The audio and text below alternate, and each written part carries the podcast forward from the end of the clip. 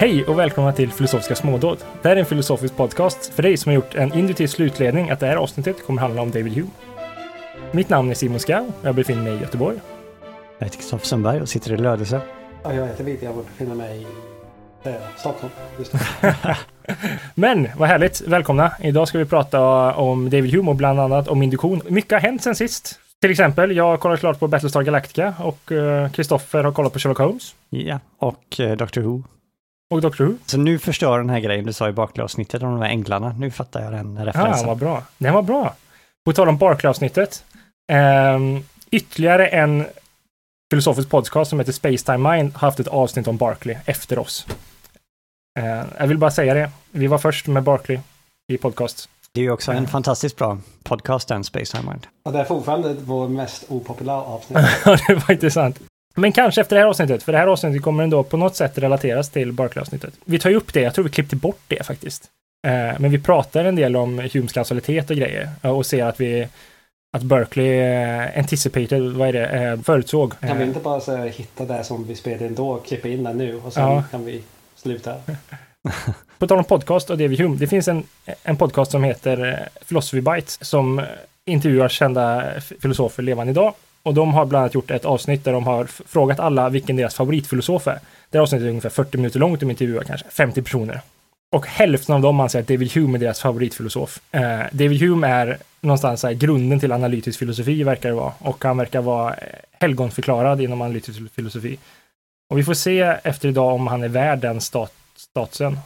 Eh, han är värd idéhistoriskt väldigt mycket eh, och det kommer vi försöka ta, ta upp i den här podcasten nu för att vi, vi kommer börja nu på en liten miniserie om eh, eh, hur vi kan vara berättigade till, till kunskap eller hur vi kan ha säker kunskap. Där vi kommer nu ha ett avsnitt om David Hume, sen kommer vi ha ett avsnitt om Thomas Reed eh, och ett avsnitt om Immanuel Kant, men med lite avsnitt emellanåt. Så vi kommer ha en eh, Reed och Kant var reaktioner på Hume helt enkelt. Och det här var väl tre, bland de tre smartaste människorna som har levt ungefär på samma tid, diskuterade samma frågor och diskuterade typ med varandra. Är det någon som vill ta upp vem eh, David Hume var? Ja, jag pratar gärna om Hume. Um, men Hume levde under 1700-talet i alla fall. Han, dog, eller han föddes precis i början på 1700-talet och dog någonstans i slutet på 1700-talet. 1711 till 1776 för att vara exakt. Skotsk filosof och eh, det var väl en trend där runt omkring tiden då Hume levde där den skotska filosofer var ganska framstående. Och eh, de två namnen som lever kvar idag är väl Hume och eh, Adam Smith och Thomas Reed. De två namnen ja. Ja, de tre kanske det var. Jag tänkte när jag precis skulle säga det så tänkte jag Hume och Thomas Reed och sen kom jag på precis medan jag pratade så kom jag på just det, Adam Smith är ju skitstor också. David Hume verkar ha varit ett så här eh, filosofiskt underbarn så att eh, redan när han var liten så eh, när hans storebror skulle iväg till universitetet så tyckte hans mamma att han verkade så himla begåvad så att hon skickade med lillebrorsan också. Så David Hume kom till universitetet i Edinburgh extremt ung och man vet väl inte exakt när, men eh, de flesta källor verkar tyda på att han började på universitetet redan när han var tio år gammal. Vilket är Ja. galet ungt. Familjen ville tydligen så här att han skulle skaffa sig en karriär och sådär duktigt. Men eh, så, ja, så de satte honom att läsa en massa lagtexter och han skulle bli lagman och så, det var ett respektabelt yrke. Men i hemlighet så satt Hume och bara vräkte igenom massa antik filosofi och var helt eh, besatt med romerska och grekiska filosofer och blev galet bildad. Och eh, det tog väl inte lång tid innan han insåg att han kommer aldrig någonsin att kunna bli någonting inom lag och så, för att han tyckte det var så jäkla tråkigt. Så att eh, han bestämde sig för att eh, göra en karriär inom filosofi på något sätt. Och eh, någonting hände. Eh, de här biografierna som skriver om honom, de, ingen verkar veta exakt vad, men han var med om någon sorts insikt eller upplevelse eller någonting där i början. Där han fick, tyckte han, en helt ny klarhet på hur man skulle se på filosofi och livet och sådär. Och efter det så blev han helt besatt av tanken på att hålla på med filosofi. Så han bestämde sig för att stänga in sig mer eller mindre och bara plugga i tio år. Bara sitta och läsa allt han kunde och liksom tänka och skriva och så här. Och eh, liksom helt strunta i livet utanför, utanför filosofin kan man säga. Och tydligen så mot slutet av de här tio åren så blev han på gränsen till eh, lite sinnessjuk. Han blev, eh, ja, jag vet inte, någon sorts eh, psykologisk kris gick han igenom där i alla fall. Och eh, då kom han fram till att det kanske inte är så hälsosamt att bara sitta inne och liksom besatt, eh, läsa och skriva filosofi, så att därefter så bestämde han sig för att leva ett lite mer, att blanda liksom dels vanligt socialt umgänge och dels sitta och skriva och läsa och sådär. Och det är nog en ganska sund observation att det, det kanske inte är så himla nyttigt att bara låsa in sig på en kammare och läsa abstrakta filosofiska texter hela dagarna.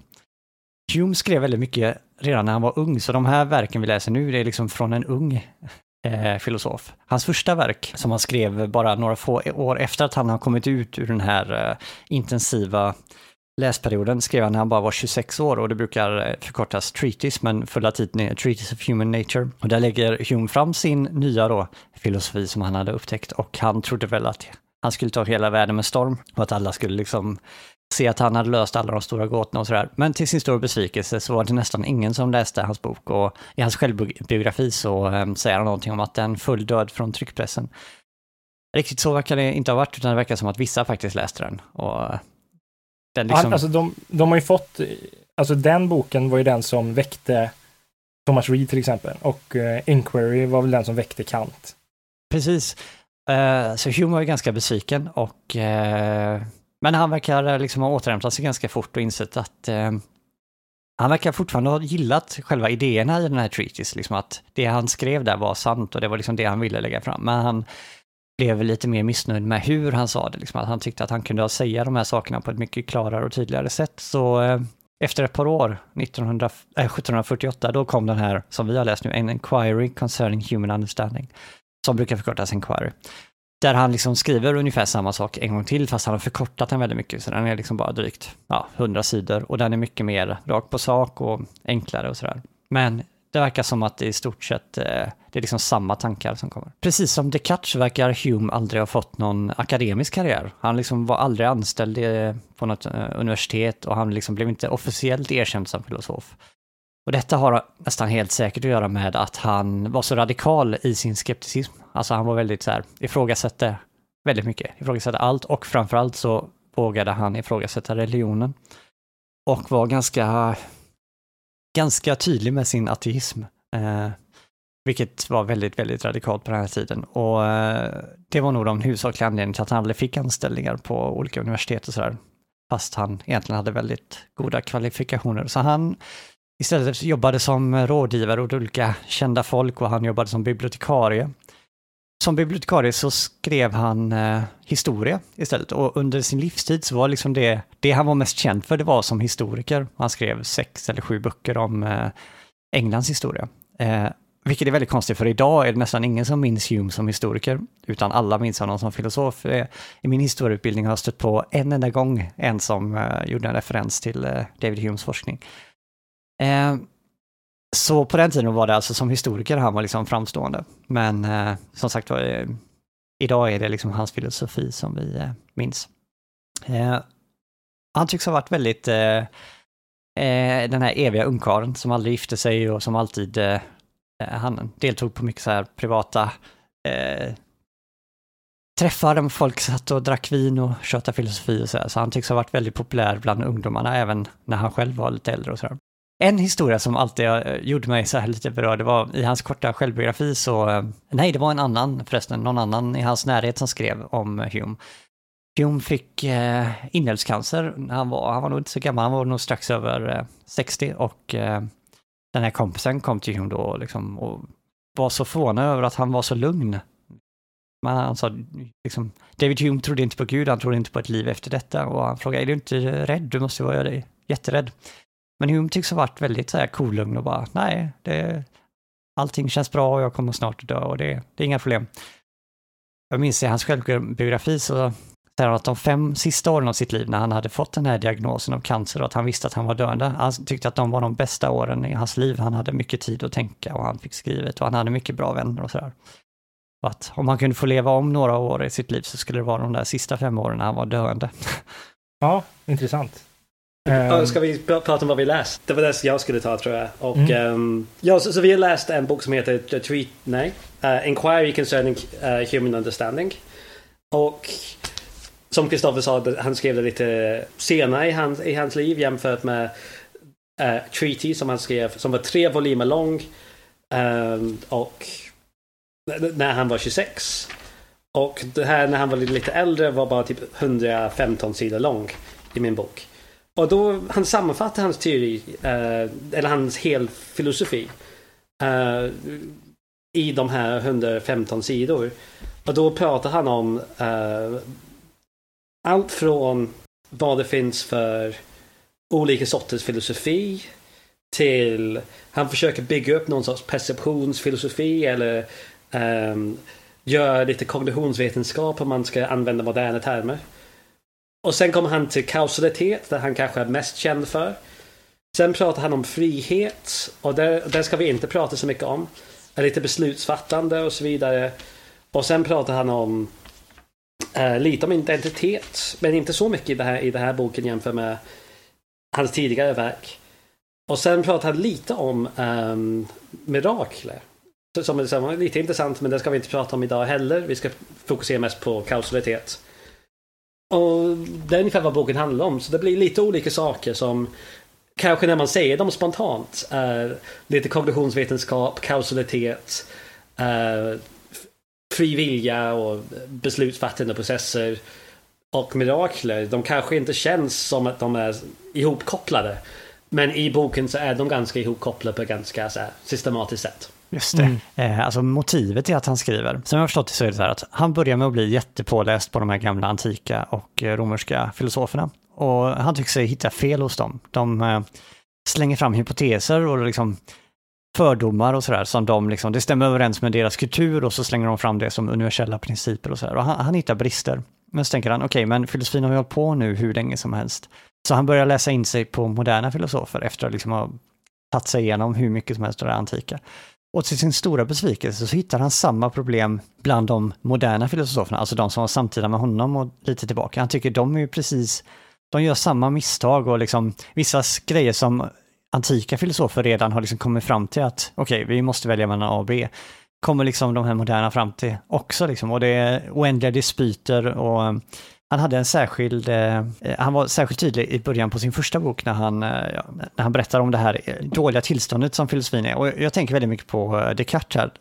Vi pratade om i vårt första avsnitt att Descartes var så förfärad över att eh, alla filosofer höll på och bråkade och eh, ja, ingen kunde bevisa vem av dem som hade rätt och de här oändliga dispyterna. Och Hume tar upp tråden där och säger egentligen samma sak, att det är pinsamt att filosoferna håller på och bråkar och bråkar hela dagen och aldrig kommer fram till någonting. Och till och med så här, ja, han uttrycker sig ganska fördomsfullt, men till och med de här obildade bönderna där utanför, till och med de har lagt märke till att filosoferna bara babblar utan att komma fram till någonting. Och eh, han vände sig till naturvetenskapen som redan då hade börjat göra väldiga framsteg i form av Newton och eh, säger varför går det så bra för dem, naturvetenskapsmännen? Eh, och varför går det inte lika bra för oss filosofer? Varför, varför gör de sådana framsteg? Och då precis som Descartes så tänker han att okej, okay, men vad vi behöver är någon sorts säker princip som vi kan liksom använda för att eh, hitta säkra eh, utgångspunkter och lösa upp de här eh, eviga bråken. Och eh, som vi kommer märka så är, även om de är överens om liksom själva början så går de åt helt olika håll, medan Descartes går till någon sorts rationell princip, så här, eh, absolut säker rationell kunskap, så är Humes eh, väg istället mot erfarenhet att vi på något sätt måste grunda allting i saker vi kan lukta, se och höra.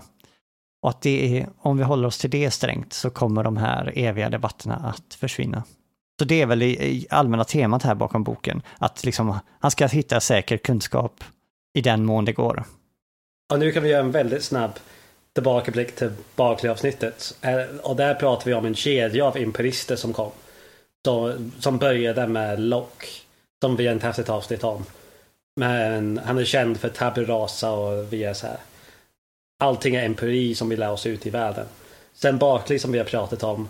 Och sen kom Hume som var ännu mer radikal empirist än vad Locke och Berkeley var tillsammans tror jag. Mm. Man delar in i empirister och rationalister och så delar man in i realister och idealister. Eh, och man brukar ju se Hume då som en realist för att, just för att han utgår från att världen existerar och bla bla. Men han är väldigt tydlig med att, att, han, att han bara pratar om det vi upplever. Mm. Och ingenting utanför det. Det är bara upplevelserna vi kan ha någon kunskap om. Där utanför finns någonting mystiskt, eh, mm. okänt mm. som orsakar våra upplevelser. Men, eh, Men vi, vi, vi kan det inte vet ha... ingenting om. Nej, så att alltså han, jag anser att, att han, jag, jag anser att han är idealist, men eftersom han, han själv inte tar den, och, den diskussionen egentligen, så hamnar han någonstans mittemellan realism och idealism. Ja, Eh, det här är något vi kan komma tillbaka med kantavsnittet, men jag tycker att han föregriper Kant där lite och skulle kunna kallas en transcendental idealist. Men vad det betyder kommer vi att prata om mer i kantavsnittet kanske. mm. Ja, och min slutsats det här skulle vara om man tänker efter tillräckligt länge kommer alla bli transcendentala idealister. Man måste bli det. Det finns ingen annan möjlighet. Men det här är lite intressant, alltså, det är bara för att föregripa den här, den här följetongen vi har nu då. Den här, den stora moderna, alltså den stora debatten mellan de här tre filosoferna. Vi har Hume, vi har Reed, vi har Kant. Eh, det har varit en, en lång debatt mellan rationalister och empirister. Vi har eh, Descartes, som vi läser som rationalist, och så har vi Leibniz, eh, Spinoza Leibniz, så har vi empiristerna. Och slutet på den här filosofiska trenden är ju Hume. Och han, han kommer fram till väldigt eh, hård filosofisk kritik, väldigt skeptisk filosofi om att vi inte kan veta om väldigt mycket. För att föregripa vad vi kommer, kommer komma fram till, veta att vi kan inte eh, att kausalitet inte finns till exempel, att det är bara eh, habit of the mind och induktion stämmer inte, så vi kan inte veta solen går upp imorgon och liknande. Eh, och lösningen på det här är att gå bort från distinktionen mellan eh, empirism och rationalism som både Reed och Kant gör. Medan skillnaden mellan Reed och Kant är att Reed blir realist och Kant blir idealist. Jag har inte läst Reed än, men från vad jag har hört från dig bland annat. Att jag, jag tror Kant, det är möjligt att man skulle kunna lägga Kant emellan Hume och Reed. Alltså för jag tycker transcendental idealismen, som jag sa i Marx-avsnittet, de kör hands up, vi kan inte förstå det här. Och erkänner vad de inte förstår, men blir nästan realister på grund av det. Mm.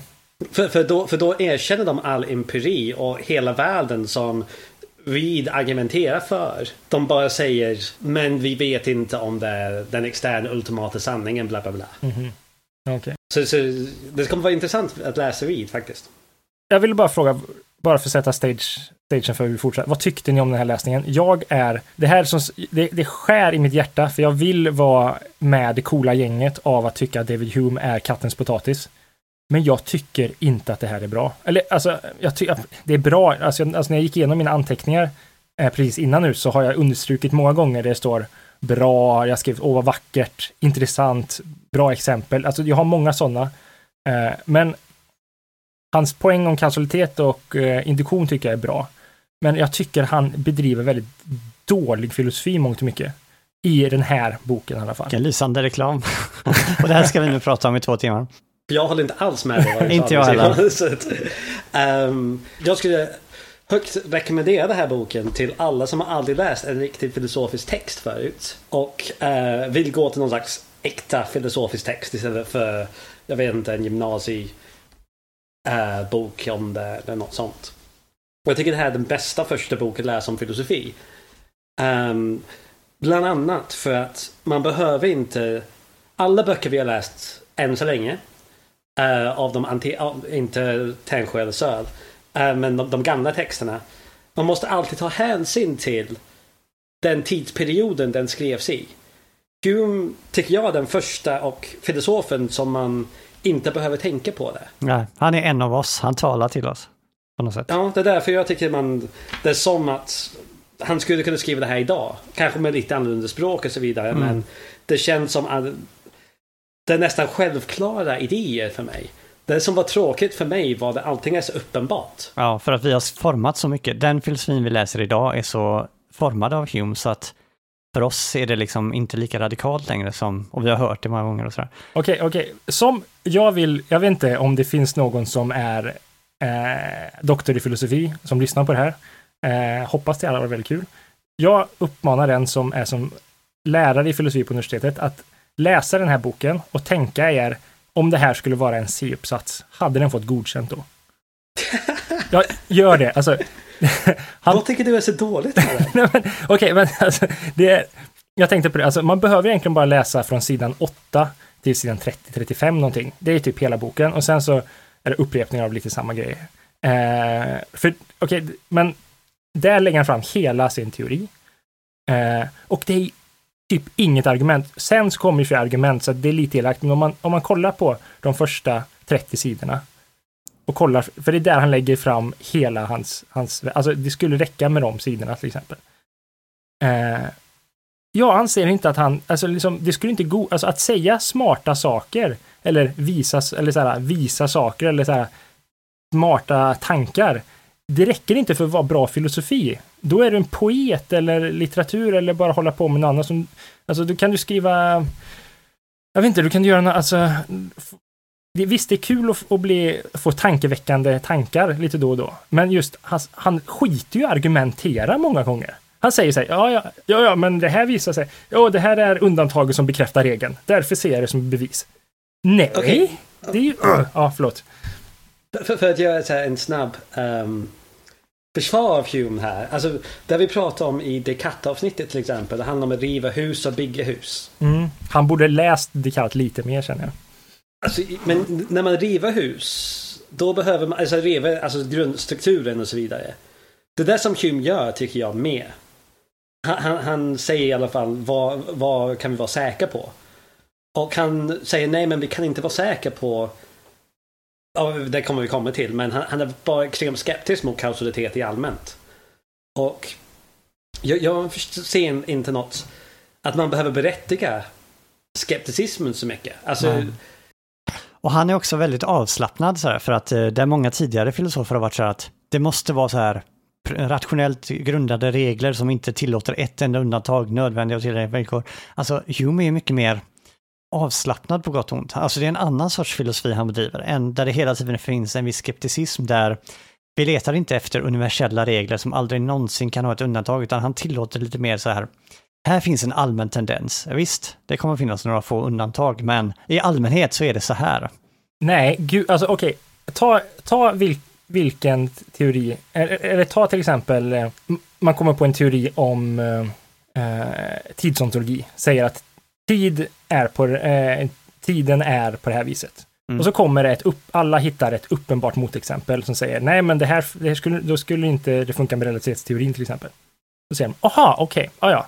Men det är bara ett exempel, så det gills ju inte. Så min teori håller. För det är bara ett exempel. Det är ju inte riktigt så för att... Eh, Det är exakt så han. Nej, måste- för att det är till exempel... Eh, vi kan aldrig någonsin se eh, yttervärlden. Varför det? Jo, för att eh, om du blir drogad så ser eh, världen konstig ut. Alltså, eh, det är den sortens eh, argument. Till exempel eh, hans skillnad mellan eh, två fenomen, mentala fenomen, Mm. som vi kommer att prata om, eh, intryck och idéer.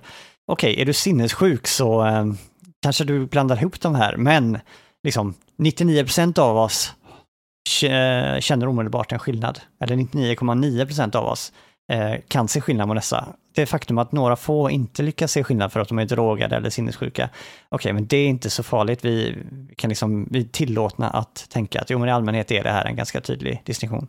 Ja, alltså jag håller med dig lite grann Simon. Om det, som, det, det som vi kommer att prata om nu.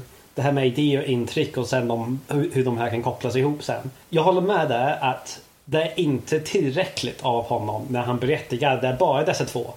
Och det är bara dessa tre saker som finns. Och när han säger det här, alla förstår att det här är självklart. Men ska vi gå in på det direkt? Så han är mycket mer ödmjuk till exempel. Han har tre principer sen, säger han så här. Är det här de enda? Nej, jag är inte helt säker, men det är de enda jag har hittat och jag har tänkt på det här jättelänge. Och så uppmanar han det, så han, kom gärna, försök gärna komma på några andra. Jag har hittills Jo, inte men det lyckats. kändes extremt retoriskt. Där. Ja. Han, han försöker säga men vi kommer inte hitta någon. Ja, ska vi gå in på hans an andra del, eh, of the origin of ideas. Då pratar han om eh, att det finns två typer av perceptions of the mind. Kan alltså, Vi måste börja med, att- okej, vad, är- vad är perceptions of the mind? Vad är, det han, vad är grundkategorin här? Det är helt enkelt ja, innehåll i vårt mentala, ja, mentalt innehåll. Det är alltså allting som kan förekomma i vårt medvetande. Tankar, minnen, in, synintryck, hörselintryck, precis allting. Det är liksom perceptions of the mind. Allting vi kan Mm. bli medvetna om helt enkelt. Han gör väldigt lite saker om känslor. Förlåt, det var helt olika. Kom- från ingenstans där. Det är helt irrelevant. Eh, passions eh, menar du? Så jo, hans... den är inte riktigt med. men han, nej. men han gör väl det i, i andra verk. Är han Precis, väldigt mycket med exakt. känslor. Va? Ah, det har jag Ja. inte läst. I hans moralfilosofi så är han mycket mer... Ja, där är det liksom grundbulten i hela hans moralfilosofi tror jag lite grann. Okej, ignorera kommentaren.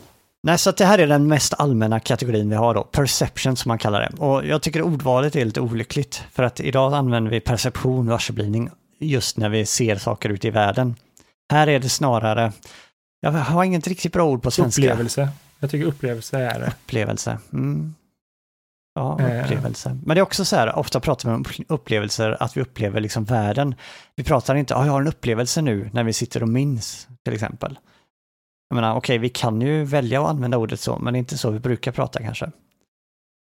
Ett problem här är att orden på hans tid kanske hade lite annan Eh, betoning kanske, än vad vi har idag. Alltså jag tänkte bara så här, citera direkt ur boken här snabbt. Det kanske så här förklarar varför det, det här konstigheter som Kristoffer pratar om just nu. By the term impression then, I mean all our more lively perceptions. When we hear, or see, or feel, or love, or hate, or desire, or will. Så jag tror det fångar, alltså det är inte bara så här perceptioner men Nej. då ingår känsla och vilja i det här också. Så den här breda kategorin, perceptions, jag vet inte, upplevelser som vi kallar det, eller mentalt innehåll eller vad vi nu vill kalla det, den kan dela in i två kategorier. Å ena sidan den starkare, den mer kraftfulla den mer livliga som vi eh, på hans, på engelskan kallas impressions, men Mm. man skulle kunna översätta till intryck. De är liksom på något sätt original, de är saker som eh, vi uppfattar i original. Och sen finns det han kallar ideas, idéer, som är kopior av dessa. Så det enklaste är kanske med ett exempel, om jag tittar på eh, min dataskärm så, så ser jag den väldigt starkt framför mig. Massvis med detaljer och den är väldigt levande för mitt sinne. Och sen så blundar jag och tänker minst tillbaka på, på min dataskärm. Då är det liksom en motsvarande bild, fast den är blekare, den är inte lika detaljerad. Den, det är lite svårare att se detaljerna, det är som en blek kopia helt enkelt. Och sen har den ju original impression, alltså eh, grund, eller så här, vad ska man säga, första formens intryck, det är sinnesintrycken. Och sen så har vi andra formens, andra gradens intryck, eh, vilket är, som är baserad på den första formen, det är de typ av kä, eh, känslor, eh, emotionella, alltså kärlek eller liknande som man pratar om. Mm. Jag tycker den här distinktionen är jättevacker verkligen. Det är, det är någonting som bara talar till mig när han skriver detta. Det som jag också tycker om med den här eh, indelningen som är väldigt vackert. är han, han löser problem med kreativitet. På ett sätt som jag inte sett någon filosof innan Hume. Men det kanske finns. eh, lösa på lika snyggt sätt. Ja, det är fantastiskt. För dessa idéer som är eh, avbindning av dessa eh, intryck vi har fått. Kan sen kombineras ihop. Så till exempel hur vi får enhörningar. Är ju för att vi har haft sinnesintryck av hon och hästar. Och då kan vi leka med dessa och koppla ihop dem. Ja, jag tycker det är fantastiskt, för det gör så otroligt mycket jobb så här med, ja det får ett jobb sen med vidskepelse och så vidare, hur eh, människor kommer på de mest fantastiska historier. Och eh, just det här att tankens frihet, att det är liksom våran, förnuftet och tankens frihet är vår välsignelse och vår förbannelse. För att det gör att vi, vi blir så otroligt flexibla eftersom vi kan klippa och klistra bland de här eh, intrycken vi har fått. Men det är också det som gör att det är så svårt att hitta sanning eftersom medvetandet och tanken är liksom fri att klippa och klistra så kan vi hitta på saker som liksom inte har någonting med verkligheten att göra. Fast, fast det här jag börjar tycka att Hume tror lite för mycket på idén om frihet. För man kan inte alltid tänka på vad som helst. Alltså, alltså jag tänker ens kreativitet. Kreativitet är ändå begränsad. Vi har inte all frihet att koppla ihop alla möjliga perceptioner. Nej, han, han gör en eh, liten grej där, att eh, vi måste hålla oss inom ramen av, vi kan liksom inte skapa nya enkla intryck. Vi kan klippa och klistra, men vi kan aldrig klippa ihop. Jo, men, men ändå, vi har inte någon slags um, grodhörningar. Alltså så här, grodor med horn på sig. Alltså, så, så vi ändå verkar... Fast det skulle vi väl kunna tänka. Ja, jag, det skulle jag kan jag, nog jag, forma Jo, men en vi gör grodhörning. inte det. det. För det finns otroligt många berättelser som helst.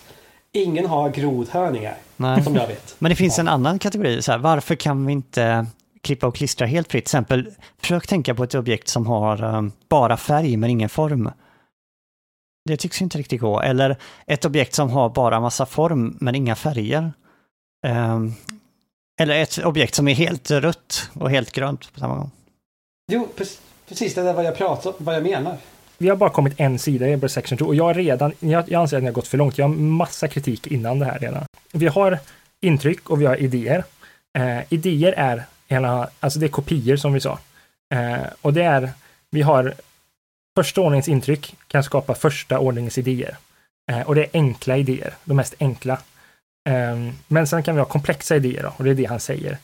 Eh, att vi kan sätta ihop intryck hur vi vill. Innan vi går dit, anser ni att det är rimlig uppdelning han gör? Att Alltså, alltså skill- skillnaden mellan intryck och idéer säger han är bara att det är en gradskillnad och att den är uppenbar för alla, för att alla ser skillnad på eh, när man ser en röd, eh, röd tomat eller när man kommer ihåg minnet av, eller när man försöker minnas den röda tomaten.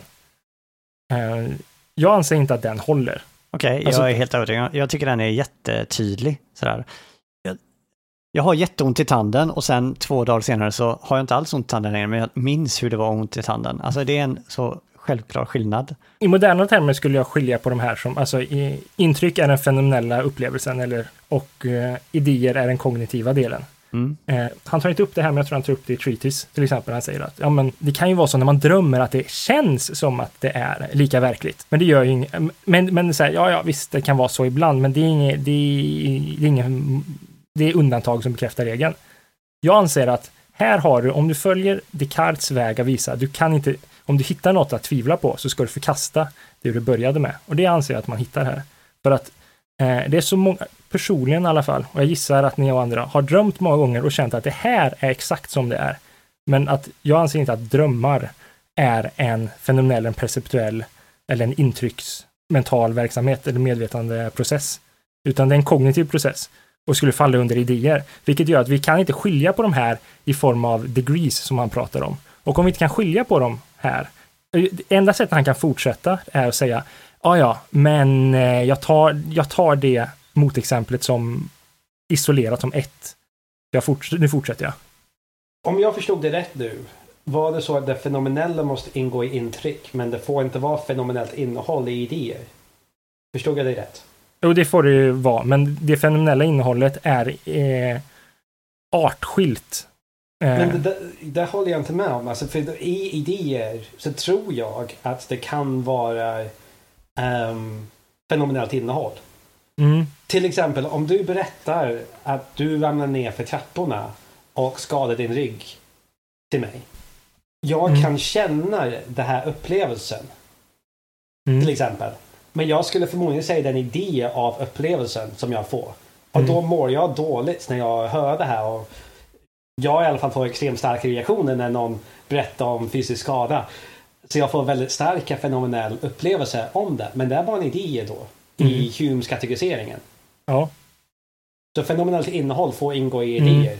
Men det här fenomenella innehållet är definitivt svagare än ehm, om jag ramlar ner för trapporna själv Men- och skadar mig. men det behöver inte, alltså, jag tog exempel när jag pratade med Kristoffer för ett tag sedan när jag råkade unleash my fury. Eh, alltså, alltså, ta någon som eh, har posttraum- posttraumatiskt stressyndrom till exempel. Eh, upplevelsen när de återminner en hemsk upplevelse tror jag kan vara nästan fenomenell identisk. Den kan vara lika stark känslomässigt, men enligt Humes definition så är det bara en, de kommer bara ihåg hur det var. De tar upp ett minne. Men de får exakt samma upplevelse. Alltså minnet av det här är lika starkt. Är lika, och att bygga en övergripande teori som ska vara allmängiltig på och säga att vi har undan, att vi inte kan, alltså Men, pat, men det ska man också kalla- kallas för en patologi när idéerna känns lika starkt som intryck. Och då får man saker som posttraumatiskt stressyndrom. Det, det är som till exempel schizofrener skulle Mm. kunna ha idéer som de tror är sinnesintryck. Mm. Uh, det Ja, betyder det- inte att Hume är fel bara för att det är möjligt. Jo, det är exakt det det säger. Det Nej, inte alls. För det, jo, det här försöker förklara exakt! hur en frisk person fungerar. Nej, det är inte det han försöker göra. För han, Fast han han försöker nämner ju förklara själv hur... de här motexemplen, Hume, eller hur? Ja, men det är det, hur, ja, ja, men han, han, han nämner dem och sen säger han, vi kan inte ta de här på allvar. Jag tycker att det är, eh, vi, alltså, om, om vi har Descartes utgångspunkt, finns det, finns det möjlighet att tvivla? Kan jag vara säker på att jag är inte en person som utsätts för det här? Hur kan jag vara säker på det? Om, om, om vi vet att det finns folk med den här patologin, eller till exempel, jag anser drömmar är ett lika bra motexempel, men vi säger schizofrena som får eh, vissa tankar får en eh, som en perceptuell upplevelse att man hör eller ser saker. Eh, och, och, eh, och säga att okej, vi vet att det är så, men jag är inte så. Men hur kan du då, och framförallt med hans induktiva slutsats är, jag kan inte veta att jag inte kommer ha det om fem minuter. Alltså att bygga, bygga sin teori på det här viset och säga att vi kan inte ta, jag, alltså det han gör är att han hittar motargument och sen skiter han i att han har ett motargument mot sig. Jag tycker att okej, han, han gör inte det här så mycket. Men, alltså, men man skulle kunna använda hans ramverk för att förklara dessa patologiska tillstånd. som till exempel posttraumatiskt stresssyndrom, äh, skulle vara när tanken idéer har lika hög fenomenalt innehåll som intryck. Schizofrener, det skulle kunna vara när tankarna och idéer förvand, alltså, blev förvandlade eller förvirrade av sinnesintryck. Och, och, så det finns möjligheten att använda hans ramverk för att förklara avvikande från hälsosamma individer. Och då tycker jag ramverket är helt okej. Okay.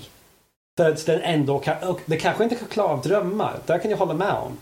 Men mm. det, klar, det i alla fall kan klara vissa saker om patologi. Eh, som ett rent deskriptivt sätt av vad som händer med dem i jämförelse med oss. Ja, Okej, okay, jag förstår. Jag, jag, jag, ska, jag, ska, släppa min just vid den här tillfället. Men jag, jag anser, jag har högre krav på ett bevis. Han säger att nu har jag bevisat det här. I samma mening som han säger att vi har det här motexemplet.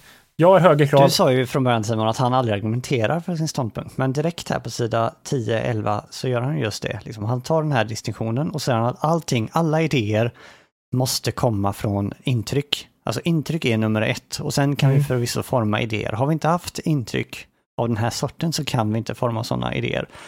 Och så säger han, okej, okay, nu är jag två argument för detta. Och han är så pedagogisk att han till och med skriver så här first och secondly så här i början på varje paragraf så att det är lätt att hitta argumenten.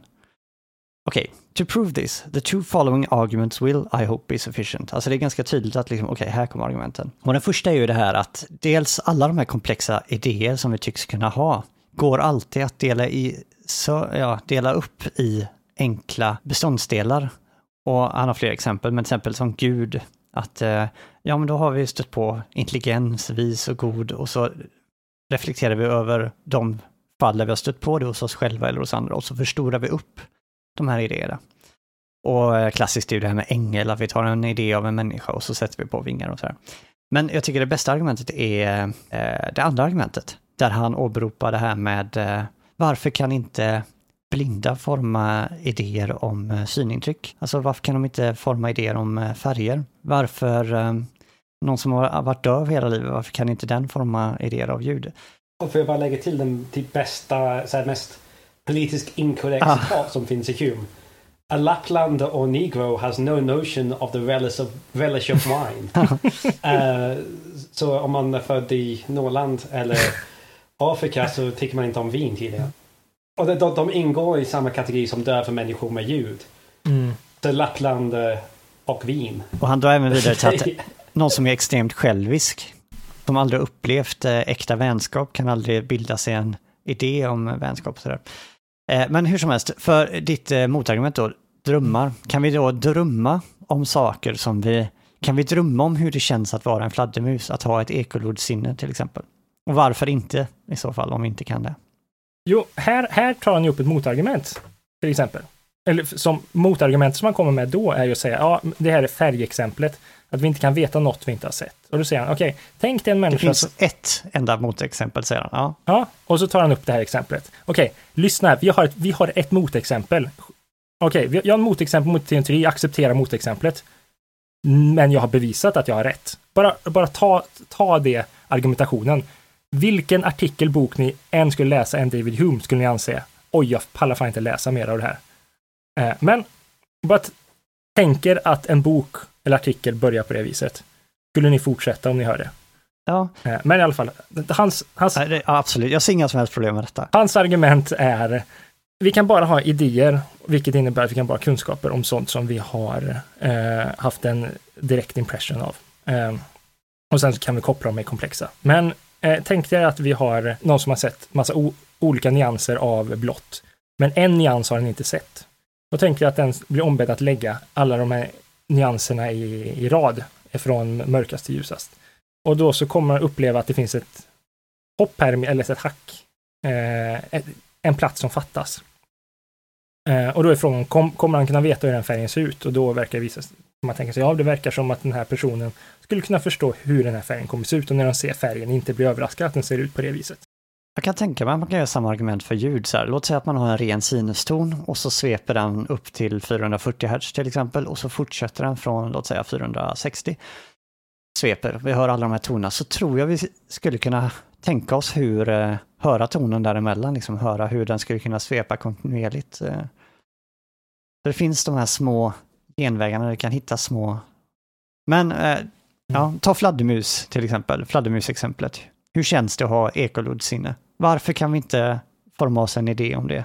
Hume säger ju att därför att vi aldrig haft några sådana liknande in- intryck. Det är någonting med intryck som är så mycket mer basalt, som liksom är så mycket mer levande, som vi ger oss tillgång. Men, men för, för, för att snabbt gå, gå tillbaka till det här sakna färg-exemplet eller ditt ljudexempel, Kristoffer. Jag håller med, det, det var lite svagt argument hos Hume, Simon. Men samtidigt, jag tror att man skulle kunna säga om oh, man har upplevt, om man tänker vad, nu för tiden, alltså vad finns i en färg? Om det är olika, alltså om man leker i Photoshop-inställningar till exempel. Ja, det finns olika saker med eh, hur starkt ljuset är och så vidare. Och, och, och det är en ihopblandning av olika färger. Och då skulle man kunna säga att på samma sätt kreativitet fungerar. Att man kan ta lite av färg 1 och färg 2. Så skulle man kunna förstå ungefär vad som skulle kunna vara i mitten som saknas. Och det skulle vara svagare än själva upplevelsen. Men man ska ändå kunna lista ut vad som fanns där. Är det Ja. något fel med det? Det är inte Humes argument. Humes argument, jag håller med, saknas någonting. Men skulle du kunna köpa ramverket med det, mot, med det försvar för Hume? Mm. Är det något problem där? Nej, inte direkt. Och, och, och då är, så det blir ett försvar för Hume i alla fall. Alltså hans ramverk. Även om jag håller, kan hålla med dig, hans argumentationen här saknar någonting. Jag vill bara säga, alltså, alltså när man kollar i logiken till exempel, när man försöker bygga ett eh, konsistent system, eh, ett logiskt system eller matematiken. Om, du, om det är så att du kan hitta ett motexempel eh, baserat på de här premisserna så har du möjlighet att också hitta en så här, eh, liksom, det, det finns inte bara ett motexempel. Det finns, om du hittar ett så, har du, så vet du att det alltid finns en oä, eh, oändligt många motexempel för att visa att den här eh, teorin är inkonsistent. Eh, och att visst, Hume han, han, han, han kom mycket tidigare än de insikterna, men det vi får reda på när han säger här är att, eh, alltså för att citera direkt, eh, This instance is so singular that is scarcely worth our observing and does not merit that for it alone we should alter our general maxim. Eh, idag skulle man säga att okej, om du kan visa att det finns en sak som visar att det, din teori inte stämmer, då kan du härleda en liksom, oändligt många motbevis. Jag förstår vad du säger men samtidigt jag tycker man kan ändå ha en pragmatisk ramverk som man använder. Det, Och det kan man ha. alltså som en empirik, eh, han säger något så här att, okej, våra psyke och våran, eh, våra mentala fakulteter är uppbyggda på det sättet att vi, det fungerar på det här sättet, vi får kunskap på det här sättet och vi får intryck och sådär och baserat på det kan vi göra så här. Det finns ett undantag, om du har fått ett scenario som ser ut exakt så här, att du har den här intrycket och du har det här intrycket. Precis just i de fallen, då fungerar vårt psyke så att vi kan pussla ihop. Men det där tycks aldrig fungera utanför de exemplen. Det är liksom Fast det han säger. det Jag kan, jag, jag kan, vi, kan, vi har färg här och sen kan vi tänka vi har hörsel, vi kan tänka känsel, vi kan tänka smak, vi kan tänka olika nyanser av eh, känsloupplevelser. Vi kan, vi kan hitta på hur många exempel som helst och helt plötsligt så har vi inte bara ett unikt, utan vi har jättemånga. Jag tror inte vi kan hitta på hur många exempel som helst. Jag tror, Jo, ja, oändligt många. Jag skulle kunna säga oupp, eh, ouppräkneligt många exempel skulle kunna hitta till och med. jag tror det finns en gemensam nämnare för alla de här exemplen. Och det är liksom, vi har kunskap om en determinabel som vi skulle kunna kalla det. Vi har kunskap om färg och närmare bestämt vi har kunskap om en viss färg, den blå. Mm. Eller vi har kunskap om vissa frekvenser och kunskapen om de näraliggande pris. Så att det är liksom varianter av samma idéer som vi redan har, alltså samma intryck som vi redan har. Det är precis så situationen ser ut. Och likaså när du har känslor. Jag vet inte om man kan överhuvudtaget eh, generera motexempel på det. Men det är också så att du har liksom nästan, du har nästan det intrycket också. Men du har inte exakt utan du har en glidande skala, har du de omkringliggande. Och då kan du hitta då kan man Mm. liksom, man är så pass nära att då kan man liksom rida på de tidigare intrycken och nå lite längre. För att prata med Kant, eh, man, då har man möjlighet att göra syntetiskt a priori omdömen. Eh, Så jag ser dem alla som samma, liksom, samma, det är inte massa olika motargument i sin logiska tru- struktur, utan det är liksom Givet samma premisser så har du det här lilla undantaget, eller tillägget kanske man snarare ska säga, till den Okej. allmänna maximen. Jag ska släppa det här efter det här och, inte och inte vara bitter längre. För att det här är, det, hit är jag bitter, sen tycker jag att han är faktiskt väldigt smart och snygg. Alltså han, gör, han är väldigt duktig, men fram hit, jag, jag accepterar inte början, det är väl det. Men okej, du anser att det är samma typ av eh, motargument hela tiden. Mm. Och det, det de har gemensamt är eh, vilken typ av sak det handlar om. Mm. Alltså, Eh, okej, vilken, ja, är, har jag rätt där? Precis, alltså han skiljer mellan intryck och idéer och säger att vi måste alltid börja med intryck. Men här har vi då några exempel där vi har intryck som är inte exakt det där som vi kan forma en idé av, men vi har närliggande och vi har på bägge sidor om den här Mm. eh, idén som vi ska forma i en kontinuerlig skala. Och då lyckas vi med det vi inte kan lyckas annars. Men, men så, så, så att motargumentet gäller, alltså vi kan hitta motargument som handlar om intryck helt enkelt. Och hans teori handlar om intryck. Du sa, ja men all, alla motargument som jag försöker göra här kan, kan kokas ner till en typ av samma sak. Vilket man skulle kunna säga är eh, original eller första ordningens intryck. Hans teori, allt, allt, allt, allt hans hela teori grund, grundas på att vi kan, att vi får kunskap direkt från första ordningens intryck. Vilket innebär att vi hittar motexempel i den klass som han håller på att definiera och, för, och eh, bygga en teori kring. Så att det, är inte ett motbevis ute i periferin. I no, det är inte så att vi har ett nät, eh, ett så web of belief, där vi klipper lite längst ut i kanten på det här nätet, utan det är precis i mitten som vi klipper. Nej, För det här är exempel på exakt det han håller på med. Det är exakt samma typ, samma art, vad du vill, det är samma sak. Säg att du har en teori som säger att koppar leder eh, elektricitet, men koppar, två Mm. kopparledare måste vara i kontakt för att kunna leda strömmen. Och så visar det sig att när du håller en elledning tillräckligt nära en annan elledning, även fast de inte vidrör varandra, så när strömmen är tillräckligt stark och du håller dem nära varandra, så kan det ibland bli sådana eh, omständigheter som gör att elektriciteten ändå kan hoppa genom luften och slå ut en gnista och träffa den andra. Eh, så är det väl lite här. Eh, så att eh, han lägger upp så här, okej, hans tes är så här, alla våra idéer härstammar någon gång från intryck. Men här finns ett litet undantag. Om eh, omständigheterna är exakt så här, att du precis nästan har de här intrycken som idén handlar om, okej, då kan du trots allt forma en idé, även om du inte har exakt det här intrycket som skulle behövas, men du har nästan det intrycket. Alltså det är snarare så här att istället för att gränsen som man skär mellan de här två är knivskarp, då är det som att den är lite blurry precis där i mitten. Och i det här gränsblurfallet, där förekommer de här motexemplen.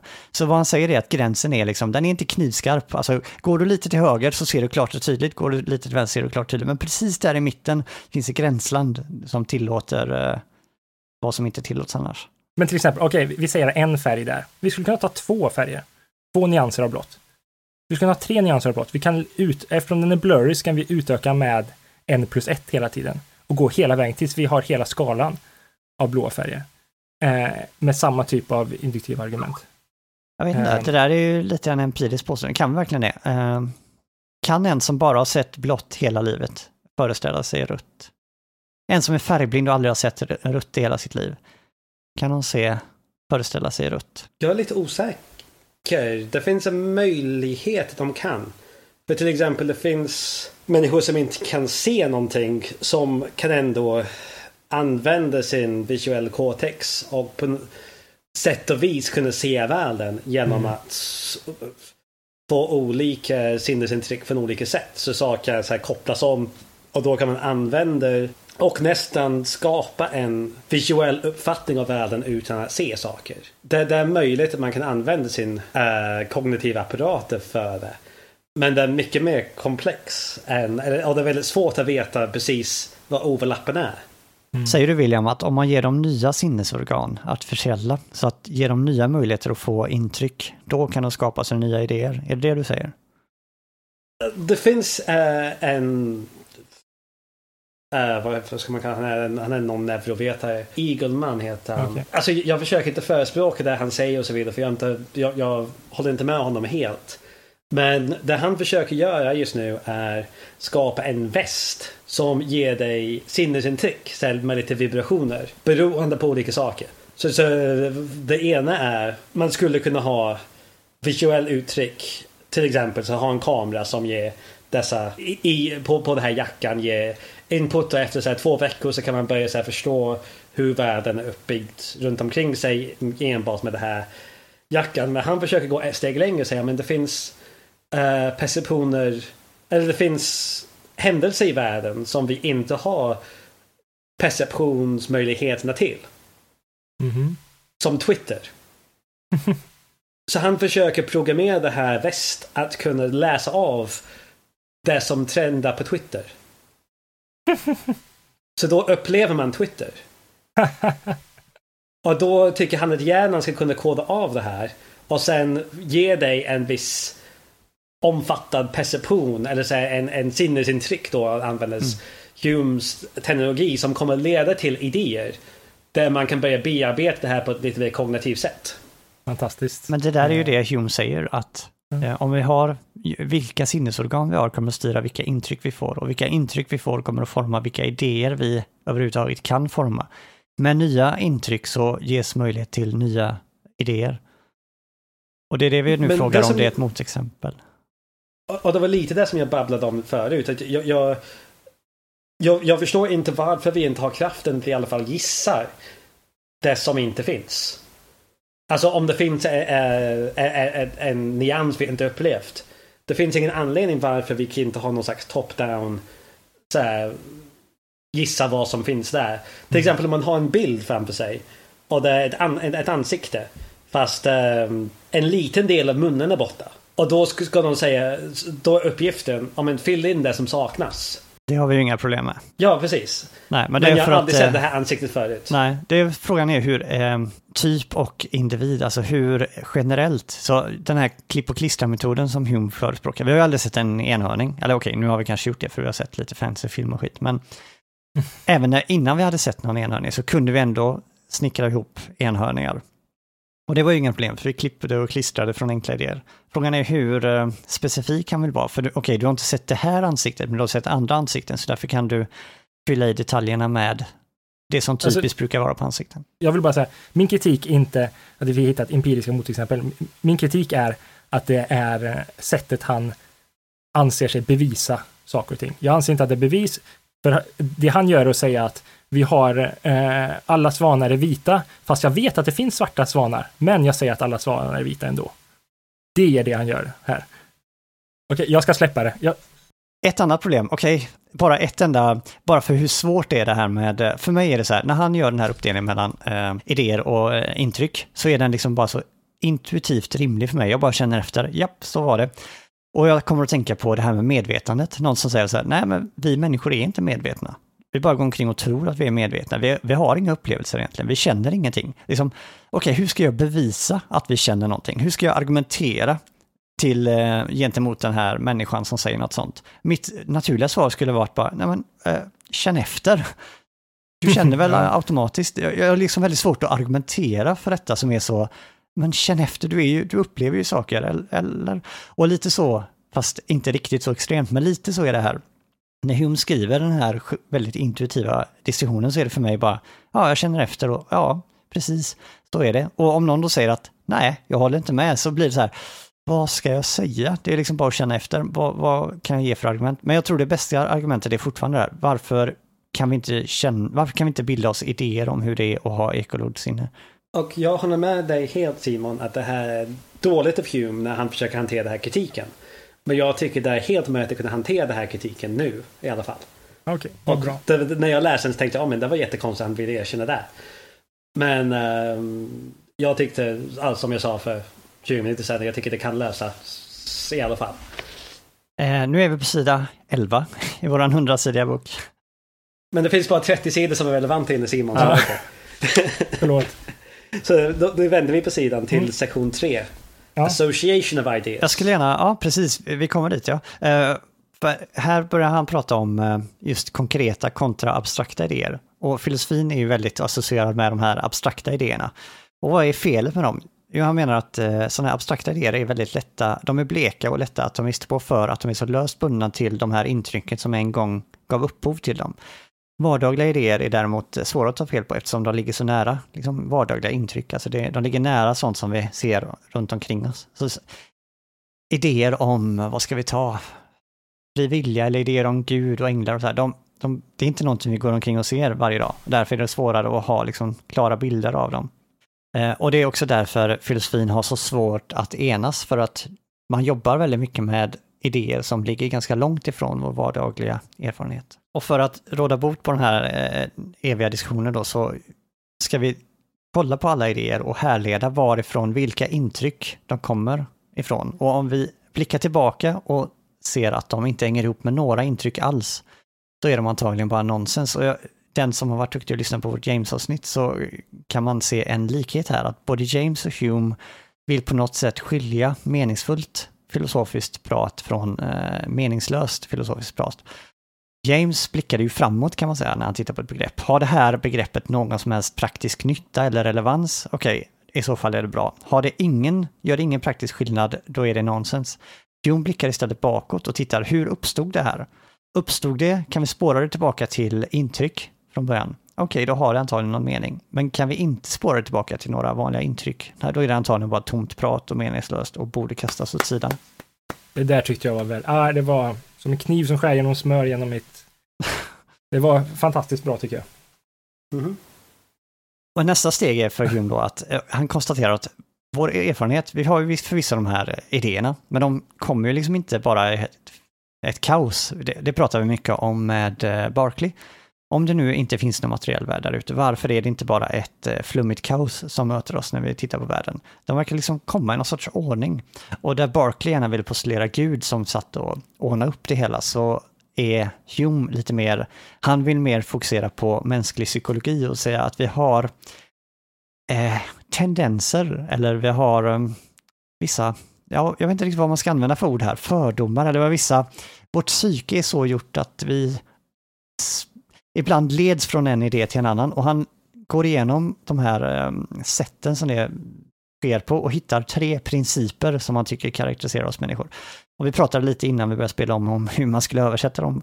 Men på engelska så är de resemblance, contiguity och eh, causality. Och ska vi, jag tror de är ganska viktiga så vi kanske borde gå igenom alla tre mm. för att sen fokusera ja, på den sista. Väldigt bra exempel tycker jag. Eh, han har, jag tror eh, Hume själv har ganska bra exempel. Eh, ska mm. jag ta dem jättekort så utvecklar ni sen kanske? För jag tyckte Hume var pedagogisk där. Um, jag tyckte hans exempel var jättekonstiga, men ja. Älskar att vi aldrig är överens, det är så underbart. Okej, okay, men resemblance, alltså likhet. Och då tar han ett exempel. Om vi ser en avbildning av någon så börjar man tänka på originalet. Så om jag ser en tavla av Simon så leds mina tankar till tankar på Simon fast jag bara tittar på den här tavlan. Så det är att objekt eller idé A liknar idé B då leds tanken gärna från A till B, just för att likhet då gärna knuffar tanken i riktning mot det det är likt. Och det andra som är svåröversatt, contiguity, det handlar mer om närhet i tid och rum. Eller att man sitter ihop. Så att eh, om man tänker på ett rum i ett hus så kommer man kanske lättare att tänka på ett, ett, annat rum i samma hus för att de liksom sitter ihop. Eller om jag ser framsidan på ett objekt så kanske jag kommer att tänka på baksidan. Och så här. Saker som är nära, de sitter ihop. Liksom. Och slutligen orsak och verkan. Till exempel om jag fått ett sår så eh, smärtan eh, får mig att tänka på det som orsakade såret. Och eh, om jag ser en krossad glasruta så kanske jag tänker på oj, vad var det som orsakade det här? Och, och sen resemblance och contiguity spelar inte så jättestor roll som det vi kommer att prata om senare tror jag. Nej. Han släpper det rätt snabbt. Ja. Jag har två kritik till det här. Uh, det ena är lite åt Simons hållet från förut. Att han ungefär säger ja men det här är allt vi har. Försök tänk på någonting själv. Ni kommer inte hitta något. Det här är de tre som finns. Punkt slut. Utan att riktigt ge ett bevis för det. Ja, men det kanske är för att det inte är så viktigt för honom. Så här. Han känner efter och han har tänkt på detta länge och så säger han To me there appears to be only three principles of connection. Alltså, det är mer så här psykologiskt, han tittar efter, okej, okay, vad lyckas jag hitta? Ja, jag lyckades hitta de här tre. Om det finns en fjärde, ja, det är inte så att allting går sönder, utan det är, ja, Oh, alltså det kan gå sönder är någonting som... Om en delas upp i två. Används sen i, i till exempel i, i, i orsakssammanhang mm. som är någon slags hjälpmedel för att kunna koppla ihop olika idéer. Som stödjer bra orsak genom dålig orsak senare. Um... Det här är ju en beskrivning av associationer va, egentligen. Skulle vi kunna säga idag. Så här mm. att, vad är det som gör att vi associerar till saker? Eh, och då försöker han, ja, då tycks han hitta så här tre saker som gör att okej, okay, det här verkar vara ganska vanligt att vi associerar A med B om det är så här att antingen, okej, okay, de är lika varandra eller de ligger nära varandra eller så här. Jo, men de kan kombineras, det mm. säger han också. Jag tycker att det är lite mer okej okay i det här än, än det andra. Men, men till exempel, alltså, om man ställer sig frågan, har jag an, vad har jag för anledning att, att köpa det han säger? Eh, så lutar jag mer åt vilja. För mig är det okej okay i den här situationen, eftersom han bara egentligen pratar om cause and effect, så behöver han inte snacka om så många lika mycket. Men jag vet inte. Men, men alltså för, till exempel, varför jag blir lite provocerad av det här är för att för det första han säger ger mig ingen anledning varför dessa är tillräckligt och det inte finns fler. Var tillräckligt för vad? Alltså, till, alltså att de täcker all, alla möjliga associationer. Men säger han inte explicit att eh, det här är alla jag har hittat? För, försök gärna Jo, hitta precis. lite fler. Ja, så det, det, det är inget argument Nej. varför det är tillräckligt. Det här är mer en rapport. Så här. Han har gjort Ja. en psykologisk undersökning på sig själv och hittat att eh, när han har känt efter så länge, han har gjort ett experiment helt enkelt på sig själv och hittat, Men- jo det verkar vara de här därefter- tre. Därefter som jag tycker är ett mycket svårt problem för mig i alla fall. Att dessa tre behöver inte vara oberoende av varandra. Till exempel, jag, jag tror att man skulle kunna reducera cause and effect till resemblance och contiguity. Eller till och med allting till resemblance. Mm. Oj, Så det finns ingen anledning varför Hur tänker du dessa då? tre är oberoende av varandra. Det är bara en godtycklig kategorisering av associationer. Nej, okej, men orsak och verkan så här. Jag eh, ser eh, det trasiga fönstret.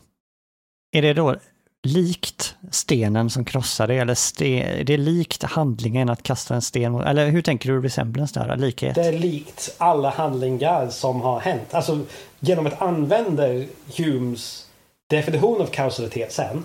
Det är likt alla situationer som har hänt där en sten har krossat ett fönster. Genom att använda precis det som Hume definierar som kausalitet sen. Ja. Man skulle kunna ha, som är väldigt eh, skeptisk mot idén av kausalitet.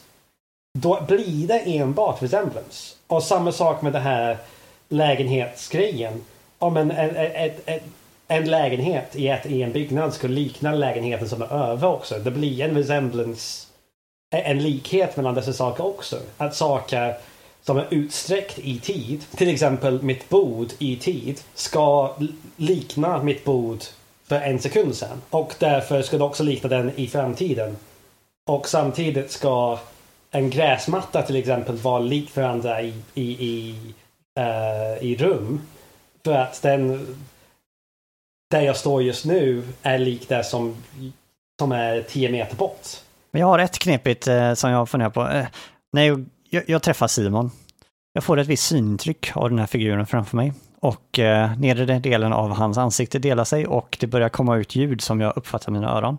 Samtidigt så sprids en viss odör från samma människa. Okej, odören, synintrycken och hörselidéerna, de liknar ju varandra inte alls. Alltså de är ju jätteradikalt olika och ändå associerar de alla tre med Simon. Och det tycks den här contiguity, alltså de associeras till samma på något sätt, eh, utan att vara lika varandra. Alltså det beror på då vilken nivå man pratar om. Om man pratar om som Simon-nivå eller röstnivån. Alltså det blir en fråga om vad är en idé då? Är det Simon som helhet? Eller Simon som individuella egenskaper som ger dig en bild om Simon? Mm. Det där är också väldigt knepigt det där för att han, eh, just med idéer, enkla idéer och sådär. Det tycks ju vara att jag ser hela Simon och hör hela Simon och sådär. Eh, inte så här att här ser jag lite brunt, där ser jag lite hudfärgat och där ser jag lite rött sådär, utan men det tycks vara så här, han säger ju att det är enkla idéer som verkar, och de här enkla idéerna, det är frågan vad det är. Är det liksom små pixlar, färgpixlar och ljudfrekvenser och sådär? Det där verkar inte vara någonting vi medvetet uppfattar. Eh, är det så här att ja, vi kan abstrahera fram att det antagligen består av de här enkla, eller menar han att vi faktiskt ser de här enkla grejerna och på något sätt pusslar ihop det i huvudet? Jag vet inte om det var det du var ute efter, vilken nivå är idén? Alltså det var det som jag, det var mitt svar till vad du pratar om. Mm. Eller vad du pratar om de olika Simon-nyanser som du upplever. Mm. Att de kanske inte liknar varandra i sig. Men alla tre är en del av Simon. Så är det Simon som är idén eller är det de här tre olika nyanser av Simon du upplever som är Simon? Mm. Eller som är olika idéer som är oberoende och, och inte lik varandra. Ja, att vi har den här diskussionen i alla fall. visar att det är lite problematiskt med dessa tre kategorier. De behöver inte nödvändigtvis dessa tre klara kategorier som han, som han väldigt dogmatiskt, om jag ska äh, äh, göra. Alltså, den här indelningen är dogmatisk, tycker jag. Inte berättigad. Nej. Mm. Ja, dogmatisk är starkt, ja, men det är empiriskt. det andra håller jag med, inte berättigade. De är em- empiriska observationer, men de är byggda på ett väldigt klent empiriskt. Det är som att göra ett experiment och han har bara gjort det på sig själv och kanske frågat några Alltså, andra. det är inte empiriskt. Det är, det är inte empiriskt. Det är inte intuitivt. Alltså det är vad hans intuition är. Det finns ingen empirisk undersökning om det här. Där han går till sin han har reflekterat över sin egen erfarenhet. Ja, han har introspekterat helt enkelt och Ja. reflekterat och ja, Och baserat det tycker jag får kallas dogmatisk. kanske, men eh, dogmatisk är väl tro helt utan, som man aldrig kan ge upp oavsett motbevis och sådär. Eller, Jo, alltså för det är jättesvårt att säga varför den här indelningen är fel. Det är bara en väldigt... Alltså för man kan säga att de här fångar in olika aspekter. Okej, jag kan ta tillbaka det dogmatiskt. Men Mm. jag, jag tycker jag kan försvara det lite dogmatiskt. Men eh, vi kan skippa det för att gå vidare just nu. Ja, vi går vidare. Men det är cause and effect är väl det han tar vidare och fortsätter med sen då? det är det. Men Yes. för att komma dit så gör han en eh, jätteviktig distinktion till. Det kanske var den du ville ta upp nu Simon, den mellan relations of ideas kontra Mm. matters of fact. Alltså det är två sorters mänsklig kunskap och han menar att det här är det är det enda som finns. Eh, och den är ju extremt viktig och det är ju också den som, eh, tror jag, bland annat får det här Immanuel Kant som kommer sen att gå i taket lite grann. Att om det verkligen bara finns de här två så får det ganska stränga konsekvenser för vilken sorts filosofi vi kan bedriva. Eh, I själva verket kan vi bedriva ganska lite filosofi. Ska vi ta dem? Det finns Ja, alltså ja, två kunskapsformer. Å ena sidan relationer mellan idéer, å andra sidan sakförhållanden eller faktaförhållanden. Relations of ideas kontra matters of fact. Eh, vem, vill ta, vem vill ta dem? Jag kan ta relations of ideas. Relations of ideas blir det som vi kallar deduktion. Precis, och logik. Så, så, så det blir till exempel om vi säger en triangel har eh, tre sidor. På något sätt, det finns ingenting mer än... Oj, nu är jag bland... Det kan någon annan ta det här för jag, jag börjar bli jättedålig på att förklara det här helt plötsligt. Okej, jag, jag kan gärna prata om en. Ja, Ja, kör. Eh, över. Okej, men han, den här första då, relationen mellan idéer, det är att vi har två idéer igen och så reflekterar vi över deras egenskaper och eh, får ut... det här var jättesvårt, det kändes som det skulle vara skitlätt, men eh, Jo, precis. Man får ut inget mer än premisserna på något sätt. precis. Analytisk syntetisk, ni kan, vi kan inte köra med den istället? Den Ja, fast serien. då ska man förklara det också. Det är egentligen, det är ju samma sak och det är lika Ja. svårt. Men alltså tänka sig motsatsen till eh, de här två idéerna är självmotsägande. Så att, eh, att säga att 1 plus 1 är 3, det är liksom självmotsägande. Så att inbakat i några av våra idéer finns liksom eh, vissa egenskaper och eh, Börja, det, det gör att börja vi med kan... exempel. Vi har mat matematik och logik är relation of ideas. Så, så till exempel är summan av alla vinklar i en triangel är lika med 180 grader. Det är en deduktiv sanning, ska man kunna säga. Relation of ideas. Enligt Hume, ja. Precis. Så ja, precis. Den sortens kunskap utvecklar alltså egentligen bara saker som vi redan vet. Det lägger liksom inte till någonting nytt, utan har vi definierat A, B och C så kan vi liksom undersöka de här definitionerna och se vad det implicerar och se att ja, men det implicerar det här och det här. Men vi lär oss liksom ingenting nytt. Så till exempel har vi väl definierat en triangel så kan vi liksom upptäcka saker om triangeln förvisso, men det är liksom saker som redan låg inbakat i definitionen men som vi först inte såg. Som är nödvändigt sant om det är en triangel. Mm. Och skillnaden där, matter of fact eller syntetiska sanningar är väl då helt enkelt att eh, det är sanningar som vi behöver eh, fan nu blir det min tur. Eh, som, in, eh, som inte implicerar en motsats helt enkelt. Så att man kan inte upptäcka, visst nu kan man upptäcka det, men enligt Hume så kan man inte upptäcka att, att summan av vinklarna i en triangel är mer än 360 grader, eller 180. Matter of fact är till exempel om det, vis, om det är så att jag har en tröja på mig nu eller inte. Eh, om jag har det, det motsäger inte något annat. Medan om, alltså det är eh, empirisk kunskap om sakförhållanden helt enkelt. Ja, det är vi tittar efter i världen och så upptäcker Ja. vi nya saker. Så Precis. Den första sortens kunskap, relation mellan idéer, är vad som eh, på filosofiska kallas a priori. Det vill säga den är förnuftsmässig kunskap som inte kräver att vi tittar efter i världen. Vi kan liksom veta den före att vi tittar efter i världen. Så kan liksom reflektera bara i förnuftet över matematiken och dess egenskaper och definitionen av olika plus och minus och så kan vi komma fram till nya eh, insikter om matematiken. Men för att lära oss faktakunskap, matters of fact, så måste vi titta efter i världen. Och eh, till exempel att solen inte kommer gå upp imorgon är extremt osannolikt, men det är inte självmotsägande att tänka att solen inte kommer gå upp imorgon. För att veta om solen faktiskt går upp imorgon måste vi liksom titta efter. Vi får vänta tills imorgon och så titta. När vi kollar på minnen och nutid så kan vi liksom, vi kan se fakta, liksom matters of fact, vi kan avgöra vad som gäller. Men om vi ska titta in i framtiden, om vi ska gå bortanför de här idéerna som vi redan har fått utav intrycken, då måste vi använda oss av någon sorts annan teknik och vi måste fundera över orsak och verkan. Alltså, Så, så I relation till deduktion som var det här med trianglar och så vidare. Så kommer vi till induktion som är vi tar vissa premisser som leder fram till en slutsats som är, inte ingår eller inte är inbakad i premisserna i sig. Så ett exempel på det här som är felaktigt är jag har bara sett vita svanar i mitt liv. Och det visste jag att det bara fanns, alltså, i mitt liv i alla fall. Jag trodde det fanns enbart vita svanar tills jag läste filosofi och hörde det här motexemplet. Där i Australien finns det faktiskt svarta svanar. Och därför en slutsats att alla svanar är vita stämmer delvis. Eller är en induktivt sann slutsats tills man har fått eh, evidensen från Australien. Precis, så eh, genom sån här induktion så kan vi gå bortom det som vi faktiskt redan har sett. Så att vi har våra intryck, men hur ska vi då få eh, kunskap av den här andra sorten utanför det vi har sett? Jo, då använder den här induktiva slutningen och tänker att om världen har varit på ett sätt hela tiden hittills så kommer den antagligen fortsätta att vara det. Så om jag har sett att koppar leder elektricitet 50 gånger så tänker jag, ja men det kommer nog göra det även i framtiden. Så då drar jag en slutsats att all koppar leder elektricitet. Alltså det, det man kan se som är, är väldigt upprörande eh, eller provocerande med att det bara finns de här två typer av kunskap. Om man ser en sån som Descartes till exempel, eller de typiska rationalisterna, de menade ju att man kunde med re, eh, relation of ideas få fram kunskap som Hume skulle mena hamna i matter of fact, i sakförhållande. Eh, men han menar med uppdelningen så menar han att du kan inte få reda på någonting om världen genom att studera matematik. Du kan inte få reda på någonting om världen genom att göra bara logiska härledningar.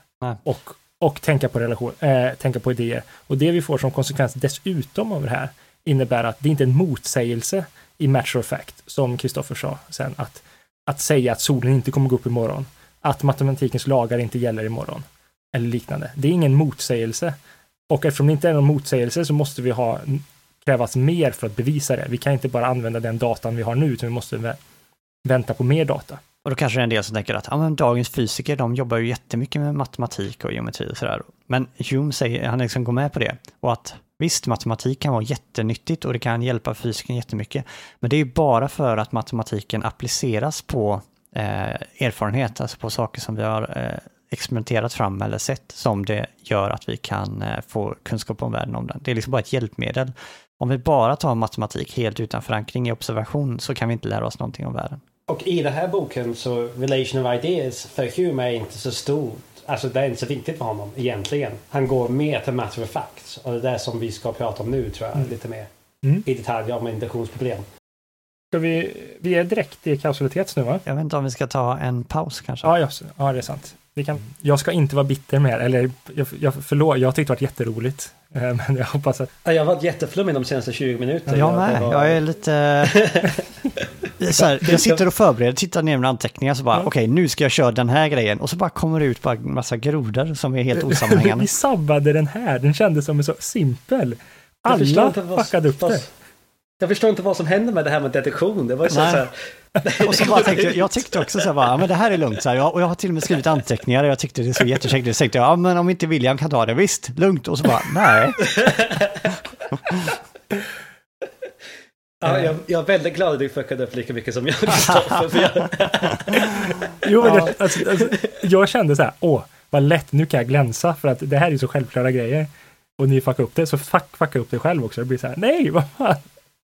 Men, men om induktion, alltså varför jag var lite osäker för att det var jättesvårt att inte gå för långt in till Humes induktion och kausalitetsproblem. Mm. Samtidigt. Så, så det var lite så här, hur mycket ska jag säga och så vidare. Men, eh, det är så knepigt också för att Hume förklarar det här utan att blanda in reduktion och induktion. Så jag försökte så minnas, men hur är det han säger? De här, det, han får det att låta så lätt. Mm. Ja, men jag tänkte det skulle vara bäst att använda dessa ord nu. Så det inte blir, så vi kommer med dessa begrepp mm. nu så vi kan prata om dem sen utan... Ja det gör ju, att... när de är på bordet så är det mycket lättare att prata. Det var min idé men det är svårt att prata om induktion utan kausalitet. Ja. Mm. Så det var lite dumt. Ja. Ingen fara. Ursäkta jag sa dogmatisk förresten också. Jag känner mig så fort jag sa det så här, fuck jag har gjort en Tännsjö-problem här. jag sa någonting för starkt och jag ber om ursäkt. Ingen fara. Ja, det, men det Eh. låg ju någonting i det du säger, men frågan är om det Jo, var men det rätt. blev att jag var tvungen att berätta min tanke som jag inte var beredd för att göra. så ursäkta. Men så vi komma tillbaka om tre, fyra minuter. Ja,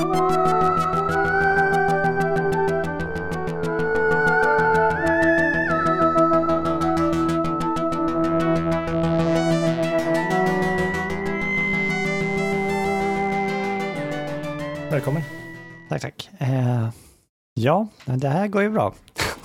Alltså jag, jag är så osäker. Ni, det känns, alltså jag, jag tycker att det är så uppenbart felaktigt, men ni är så här, jag, jag vet inte vad jag ska...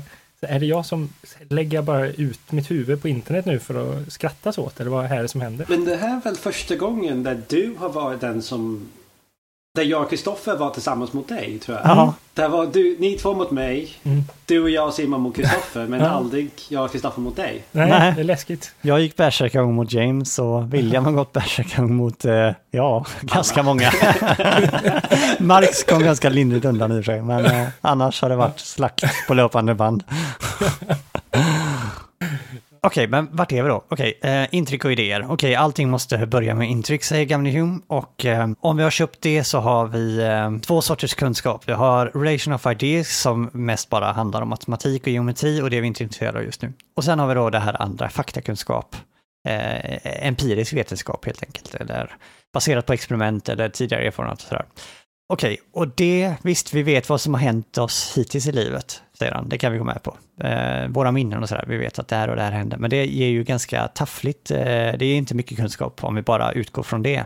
Vi tycks ju även handla och tro oss veta mycket mer om världen. Att det liksom finns folk i Kina och det finns eh, eh, gravitationslagen tycks gälla. Vi, vi förväntar oss att saker ska ramla ner när vi släpper dem och sådär. Hur sjutton vet vi allt detta då? Eller varför tror vi det? Okej, och då kommer vi in på det här med kausalitet. Det verkar liksom vara den här stora psykologiska, eller eventuellt mer än bara psykologiska, principen som vägleder oss. Och då är frågan vi ställer oss nu då, är vi och i så fall hur är vi berättigade att tro på eh, sådana här kausalitet? Är vi berättigade att göra omdömen baserade på kausala förlopp? Är jag berättigad att tro att pennan kommer ramla ner till marken innan jag har testat?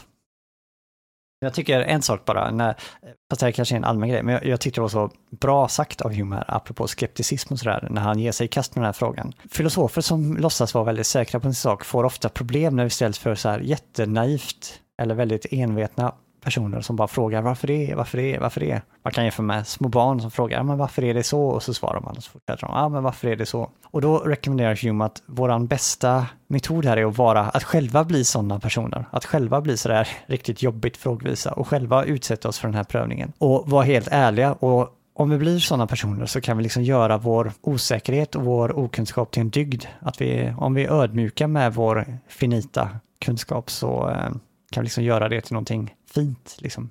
Det är precis bara det här vi kan veta och inget annat. Och det tycker jag sammanfattar ganska mycket Humes attityd. Så här. Hellre vara osäkra på det mesta, men vara helt ärliga med det än att liksom låtsas som att vi har ett stort metafysiskt system. Och så. Och det är en e- så, så ödmjuk inställning som jag tycker om jättemycket. Och jag önskar jag var det lite mer. Alltså, jag tvivlar på typ allting, men ibland så låter det som jag har idéer. Men jag tycker att man ska tvivla på allting jättemycket. Och sen vara säker på det lilla som man tror.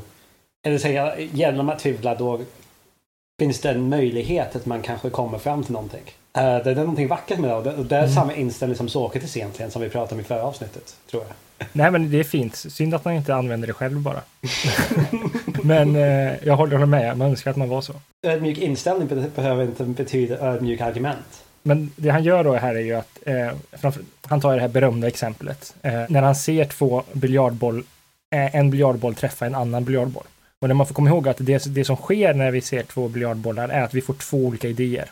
Vi har två impressions, eh, två impressions skapar idéer. Vi, vi ser, vad är det som, eh, vi, vi tror att vi ser kausalitet, vi ser, vi ser något tredje tror vi oftast. Att vi ser, vi, biljardboll 1 träffar biljardboll 2 och den, eh, att biljardboll 1 orsakar, det finns en orsak-verkan relation här, att, orsak, att biljardboll 1 orsakar eh, biljardboll 2s eh, rullande.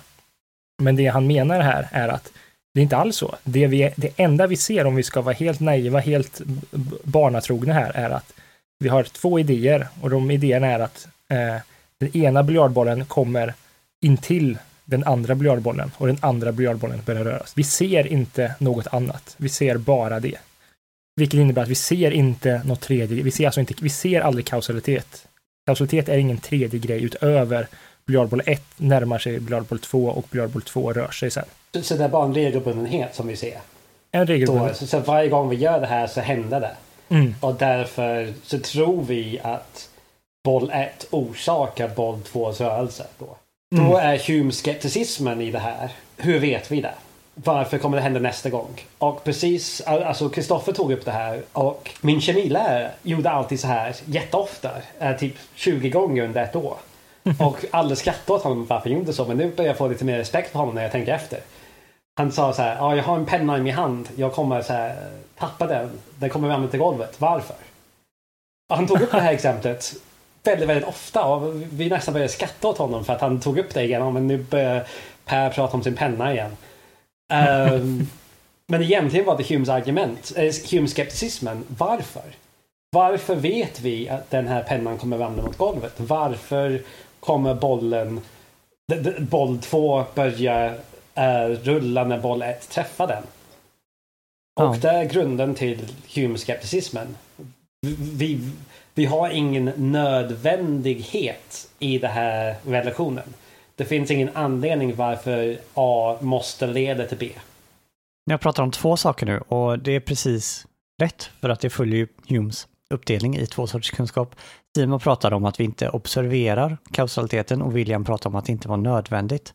Och det är precis så Hume tar upp det. Han, säger, han har ju redan sagt här nu att det finns två sorters kunskap. Exakt två sorters kunskap. Å ena sidan relation of ideas, det vill säga att vi drar ut konsekvenserna av idéer som vi redan har och där ser vi nödvändiga konsekvenser av det. Det liksom ligger inborgat i idéer vi redan har. Som vi ser med förnuftet, det är den ena vägen till kunskap. Och den andra kunskapen är matters of fact, att vi helt enkelt observerar saker. Och så låt oss då applicera det här på kausalitet. Och om vi börjar med den första relation of ideas, kan det vara så då att på något sätt när vi ser den första biljardbollen, när vi ser den ena och sen ser vi den andra, att det ligger liksom inbyggt i idéerna om biljardboll att de ska knuffa varandra på detta sättet eller orsaka rörelsen i den. Humes argument är att nej, det gör det inte. Det finns liksom, det är ingen motsägelse att tänka sig att bollen inte rör sig. Den kanske är fastspikad eller vad som helst, eller kanske naturlagarna bara upphävs. Det finns liksom ingen självmotsägelse på samma sätt som det vore självmotsägande att säga att eh, 2 plus 2 är 5.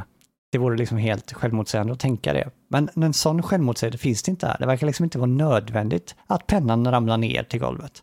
Det går att tänka sig att den för 153 gången så faller den upp istället. Så alltså kan det inte vara det här relation of ideas som ger oss eh, kunskap om kausalitet. Ett annat argument som han tar för samma sak är att även mycket små barn och djur tycks kunna använda sig av eh, resonemang, eller vad man nu ska kalla det, baserat på kausalitet. De förväntar sig också att eh, världen följer kausala kedjor så att eh, djuret tänker att om jag lägger mig och lurpassar på bytet här, där den brukar gå förbi, så kommer jag få eh, fälla ett nytt bytesdjur eller vad som helst. Och små barn sträcker sig efter en penna för att plocka upp den och så. Så alltså kan det inte vara den här första sortens kunskap. Okej, men då återstår bara den andra sortens kunskap, att vi faktiskt direkt observerar den här kausaliteten. Och som Simon uttryckte mycket mer detaljerat, så nej, vi ser ju faktiskt bokstavligt talat inte kausaliteten. Vi ser liksom att första biljardbollen åker och sen ser vi att den andra biljardbollen åker, men vi ser liksom inte det här att A orsakar B. Just det här orsakar ordet, det ser vi aldrig, utan det är någonting vi liksom lägger på efteråt. Och i så fall tycks det ju faktiskt inte finnas någon grund för eh, eh vår tro på kausalitet. Och lik förbaskat så går vi alla omkring och reflexmässigt tror på det och likaså gör djur och små barn. Så det måste finnas någonting annat förutom matches of fact eh, och förutom förnuftet som på något sätt styr oss med samma kraft som, eh, som våra sinnesintryck och som vårt förnuft gör. Precis som när vi börjar tro på någonting så styrs vi av förnuftet. Så ja, här verkar det vara någon annan kraft som trycker oss åt att tro på detta. Och vad är då det för kraft? Frågar du nu eller? Ja, jag lämnade bollen. Eh, Vad är det för svar du förväntar dig också? Okej, Det- jag förväntade det- mig så här. Alltså, jag, jag tänkte regelbundenheten var det Ja, som jag exakt. tänkte säga Vanan då. Så, så Hume säger, ja men det finns custom och habit är väl de engelska orden. Ja. Liksom att vi, en sorts fördom nästan om man ska uttrycka sig lite fult. Alltså en Och sorts... bokstavligt talat är det en fördom, alltså fördom. Alltså det är ju. Precis, ja. Nej men om vi ser de här två uppträda tillsammans jätteofta så får vi liksom bara någon sorts tendens att associera dem med varandra. Så det är mer likt det här association som vi pratade om i början med likhet och sådär att ser jag A så har vi en tendens att tänka B. Precis, det, det liknar. Det, det, det är därför jag var inne på det här med resemblance, vad det är som allting skulle gr- grunda till. Det liknar andra situationer där en boll 1 har träffat boll 2.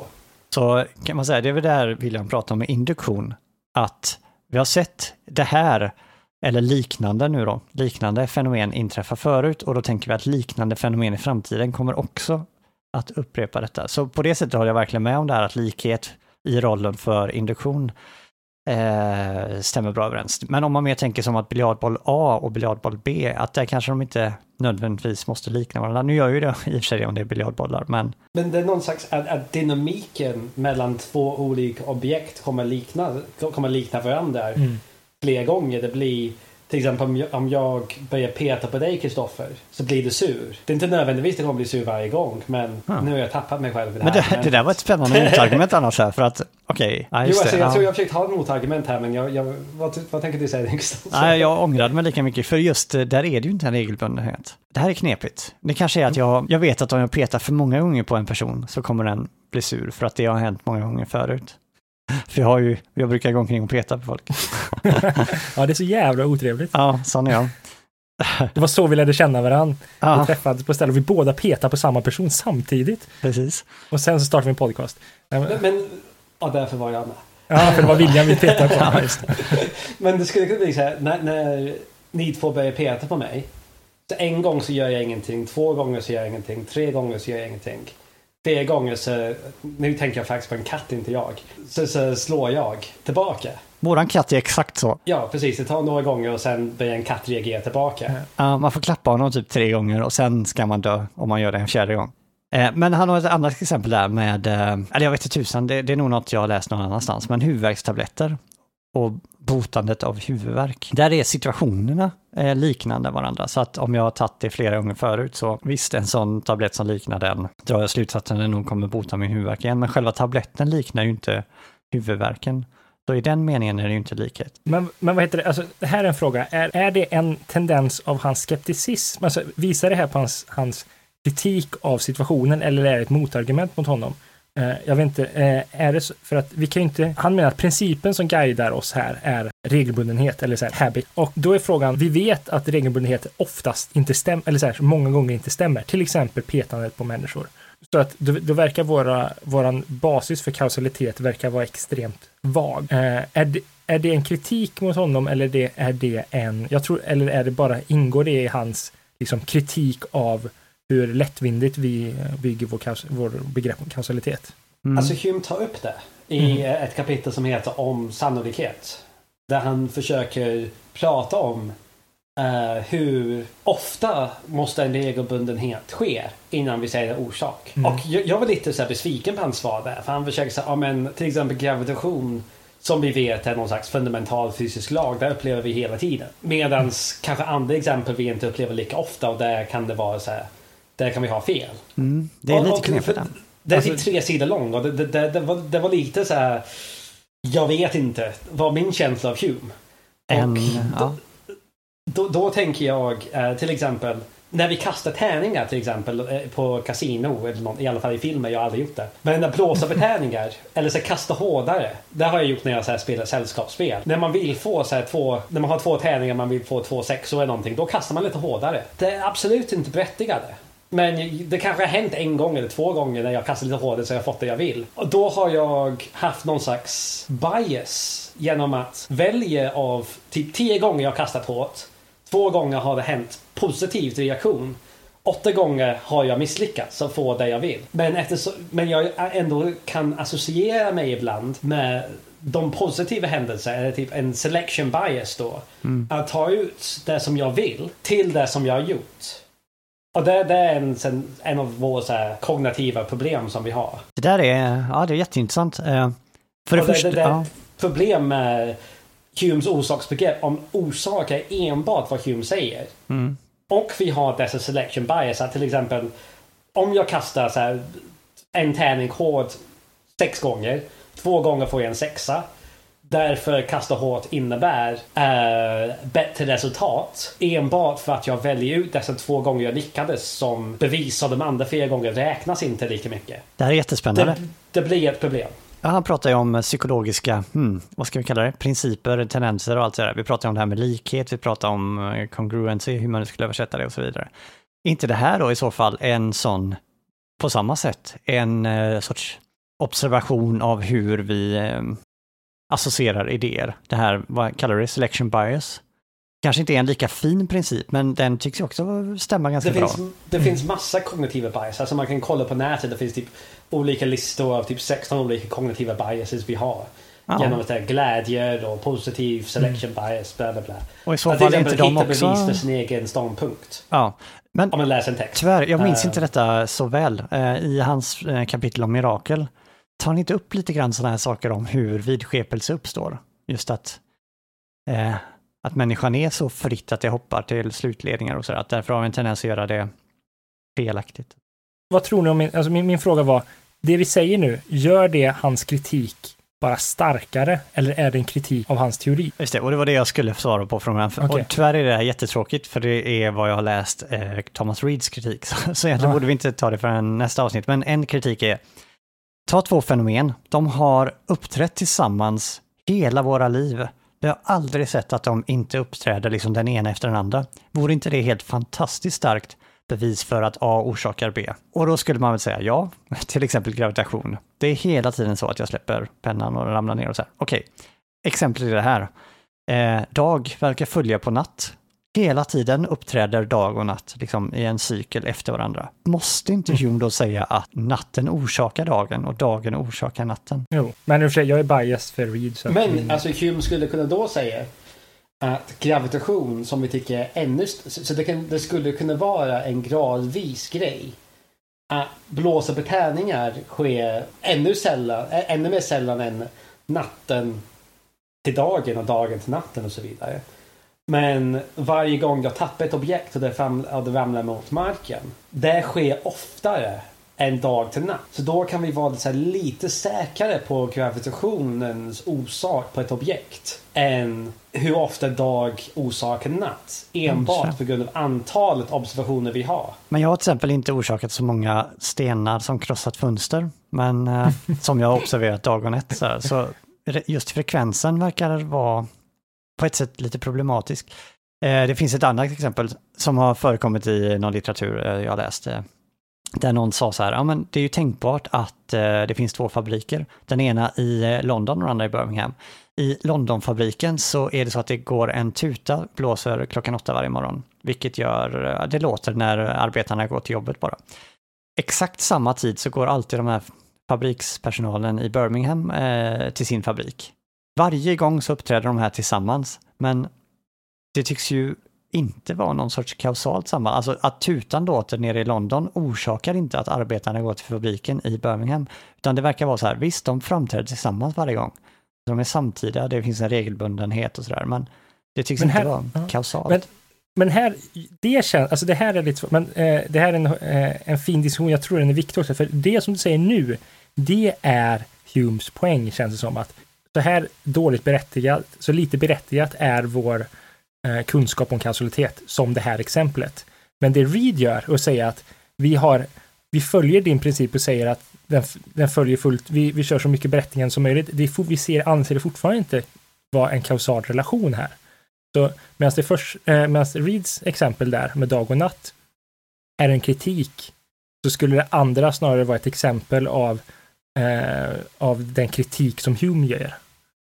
Okay, jag, jag trodde att bägge två var så här att regelbundenhet visar sig inte vara tillräckligt för att någonting ska vara kausalt. Mm. Att vi har en, en regelbundenhet men ingen kausalitet. Det, det jag försökte ta upp med det här med regelbundenhet i alla fall var mer regelbundenhet. Och jag, jag förstod det mot exempel just nu men uh, så det finns en skepticism hos Hume som är kausalitet är enbart regelbundenheter. Där ska man kunna säga det här, så här att reva ner huset av begreppet kausalitet. Jag vet inte vad ni tycker om det här men jag tycker det, det verkar stämma ganska bra. Det finns någonting uh, bra i det han säger om det här problemet. Men samtidigt så försöker han se, försöker rangordna hans kausal, hur bra vissa kausalitet sker, som regelbundenhet till exempel. Varför gravitation är bättre än ritualer till exempel. Han försöker komma med lite svar till det här om till, om till exempel regelbundenhet. Och där har Reed en poäng varför det här inte stämmer. Förstår ni den distinktionen som jag tror man måste ha i det här när man pratar om Hume? Humes skepticismen och Humes teori, alltså kausalitets, positiv kausalitet, kausalitetsbegrepp. Aha, okay. hans, hans, vad ska man säga, hans, neg okay. hans kritiska och hans konstruktiva fas. Eller man ska Pessimismen mot optimismen. Okay. Men du, alltså, om, om man säger så här, um, om jag fattar det Hume säger i hans kritiska, pessimistiska fas. Alltså tänk dig exempel att varje gång du spelar biljard och ser en biljardboll träffa en annan, A träffa B, tänds det en lampa. Då, om det sker varje gång lika mycket, så är du inte mer berättigad, menar han, att anse att det är en biljardboll A orsakar biljardboll B än att säga att ljuset orsakar biljardboll Bs rörelse. Problemet är väl det här att eh, vi pratar ibland om enskilda händelser som orsaker. Så till exempel ett eh, klassiskt exempel är ju Gavrilo-princip sköt eh, ärkehertig Frans Ferdinand 1914 och det sägs, enligt vissa då, orsakat första världskriget. Oavsett om det stämmer eller inte så tycks vi liksom kunna tänka på det sättet att hans ehm, mord på Frans Ferdinand orsakade första världskriget. Och det här är ju liksom inte någonting som har hänt flera gånger förut, utan det är en unik händelse. Vi tycks inte ha några problem med att förstå hur det skulle kunna ha orsakat eh, första världskriget. Jag vet inte riktigt hur man ska förklara det i termer av regelbundenheter. Nej. Men en sak jag funderar mycket på, vad är det Hume håller på med egentligen? Eh, är det... Förutom att supa och sådär. Eh, försöker han förklara vad kausalitet är? Alltså metafysisk Nej. teori här. Jo, Nej, kausalitet är det här. Eller försöker han eh, säga någonting om vårt psyke, att vi har en tendens att associera idéer på det här sättet och det kallar vi kausalitet. Eller är det så att han gör en kunskapsteoretisk så här att... Ja. Eh, men frågan är så här, varför pratar han om kausalitet överhuvudtaget? Jo, det är för att vi ska kunna berättiga kunskap om saker som vi ännu inte har eh, betraktat eller ja, sätt helt enkelt. Vi ska kunna dra vidare slutsatser än de som är oss omedelbart givna i eh, våra sinnen eller vårt minne. Okej, då behöver han kausalitet. Behöver han då kausalitet, alltså riktiga saken kausalitet, eller behöver han, ja, för Simon du sa nej, det är inte det han håller på med, utan det är snarare vad? Att han ska berättiga, hur är berättigad att veta? Ja, även i dåtid. Alltså kaus, kausalitet här har även, alltså det jag uppfattar att han gör är en, eh, han håller på med kunskapsteori, alltså epistemologi. Och han försöker förstå hur vi är berättigade att ha kunskap om match of fact. När det visar sig av en match of fact, alla grejer vi kommer ihåg som har varit inom kategorin match of fact, verkar vara idéer som, som hänger ihop. Och de hänger ihop enligt kausalitetsprincipen mellan eh, cause och effekt. Eh, så det han gör här är att visa att vi, har, vi är aldrig berättigade att säga att någonting orsakar något annat eller att kopplingen mellan dem är något annat än bara slumpmässig. Eh, sen går han vidare eh, och tar det även här i framtiden och säger att oavsett om det var så att alla, eh, att, att det fanns en nödvändig koppling mellan alla idéer som vi har haft, så berättigar inte det att det måste vara så i framtiden. Men det jag ser han göra här är att kritisera Eh, att vi, vi, har någon kunskap, alltså att vi kan vara berättigade till någon kunskap om match och fact, mer än att det här är det vi upplevde. Inte att det faktiskt är så. Nej, men han säger att vi har upplevt, vi har match of fact mm. här. Vi har sett sen vi föddes A, B, C, D, mm. E, F, G, liksom händelser som bara har hänt sådär, den ena mm. efter den andra. Okej, okay, det där är oproblematiskt. Men så säger han, enda sättet att gå bortom detta, det är via kausalitet och in, induktion då, som William nämnde mm. förut. Okej, så han behöver kausalitet, eller hur? För att kunna gå vidare så måste vi Ja, men, alltså, ja, precis. Ja. men så är det inte, alltså, för att svara på vad Hume gör, är det inte en deskription av kausalitet? Alltså, det, det, det ligger på det här kunskapsteori epistem, epistemologisk nivå. Men han försöker inte berättiga kausalitet. Han försöker göra en deskription av vad kausalitet är. Okej, okay, ja precis. Okej, okay, han, det han säger, okej, okay, om jag fattar det rätt, så här gör han. Alltså, han vill prata bara om match effect. Det visar sig att match effect är relationen mellan idéer eh, som eh. vi får. Va? För det är ju relations of ideas är ju den andra ja. distinktionen. Ja, men idé, ja, uh, relation of impressions då. Um, Eh, och, och det vi upptäcker då är att det, att det är kausalitet som, som håller ihop de här eh, impressions, eller upplevelserna vi har, eller intrycken helt enkelt. Eh, och det han gör Vad nu menar är du med håller ihop? håller ihop, hur kommer det sig, hur, hur kan jag, Associera dessa idéer. ja, hur, hur- kommer det sig att, hur kan jag make sense av eh, att biljardboll, när biljardboll A åkte åt, mot biljardboll B så rörde sig biljardboll B. Eh, hur, hur, hur kan jag överleva i världen efteråt? Hur kan jag liksom, egentligen är det bara en, ett knippe intryck. Allting är bara massa, alltså här ser man buddhismliknelserna när vi egentligen bara har massa dharma, vi, vi har massa intryck hela tiden, alltså, eller man kan bara se det som massa sinnesdata som kommer. Allting, även en känsla, även upplevelse av jaget, upplevelsen av en boll, alltså allting är små separata pixlar kan man beskriva det som. Men det finns ingen som håller ihop dem, mer än kausalitet. Och det han försöker göra nu är att berättiga hur vi har, var vi får vår begrepp om kausalitet. Och det, i hans analys så verkar det visa sig att oj då, det verkar vara väldigt löst. Så ser jag det. Hans positiva, jag ser inte hans, att det, hans positiva bild är att bara okej, ja, det, det verkar funka. Men det är inte så mycket mer än så. Är jag för pessimist, ser jag honom för, pes, för pessimistisk här? Ja, men Ja. Han är väl ganska pessimistisk. Han säger ja men det är en sorts eh, väldigt djupt rotad fördom det här med kausalitet. Mm. Eh, vi ser A och då förväntar vi oss B och det är allt det är. Och det är Mm. också bara på så osäkra grunder som vi kan göra några som helst slutledningar om framtiden. Mm. Ja, vi förväntar oss att framtiden kanske kommer likna så som det varit hittills, men vi har egentligen ingen eh, grund för att tro det annat än en sorts fördom.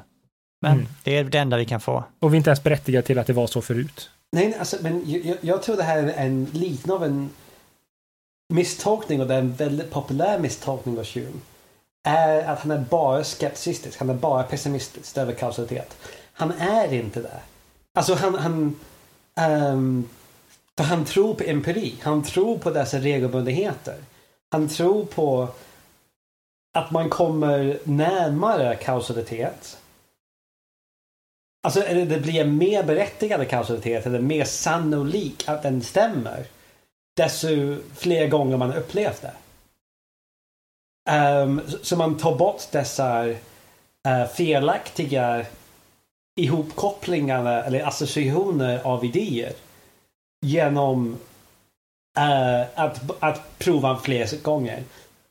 Även om det är jätteskeptisk. Den är väldigt, väldigt positiv till empiri och em- den empiristiska um, agendan och så vidare. Det finns hopp i Hume. Är nog min poäng. Jag är lite osäker på det här, för att ibland tycker jag det låter som du säger, men ibland tycker jag det låter som att han bara säger att okej, när vi har observerat det väldigt många gånger så blir vi väldigt benägna att tro det. Liksom. Att det stärker våran tro, att vi tror det mer och mer ju fler gånger vi har sett det, medan har vi sett det bara en gång så är vi inte lika benägna att tro på det. Att han liksom mer berättar om så här är vårt psyke. Vi är benägna att tänka så här och vi är benägna på att reagera så här snarare än att säga att vi faktiskt kommer närmare att det liksom berättigar oss i någon starkare mening. Jo, alltså jag... Han är skeptisk i det här. Alltså, jag, jag tycker tonen i boken är mer åt det här skeptiska hållet och det är därför jag tror han har blivit mer misstolkad. Att han är bara skeptisk på grund av, på grund av hans ton. Men det finns ändå det här... Han är empirist ändå. Han är inte bara skepticist. Skeptiker menar jag. Ja, ja, mm. Det där är konstigt faktiskt. Det är en passage där som jag reagerar på, så här, som jag tyckte eh, var intressant. Det är lite mer i början. Eh, där han liksom delar upp eh, vår kunskap i två delar. Så där. Att å ena sidan så blir vi skeptiker när vi är filosofer. Men det där tycks inte alls påverka vårt vardagsliv. Liksom, att eh, vår vardagsliv står helt orubblig ändå. Att vi fortsätter att tro på massa saker oavsett. Mm. Och det, det kanske inte är det som jag, som jag, som, som jag framhävde här.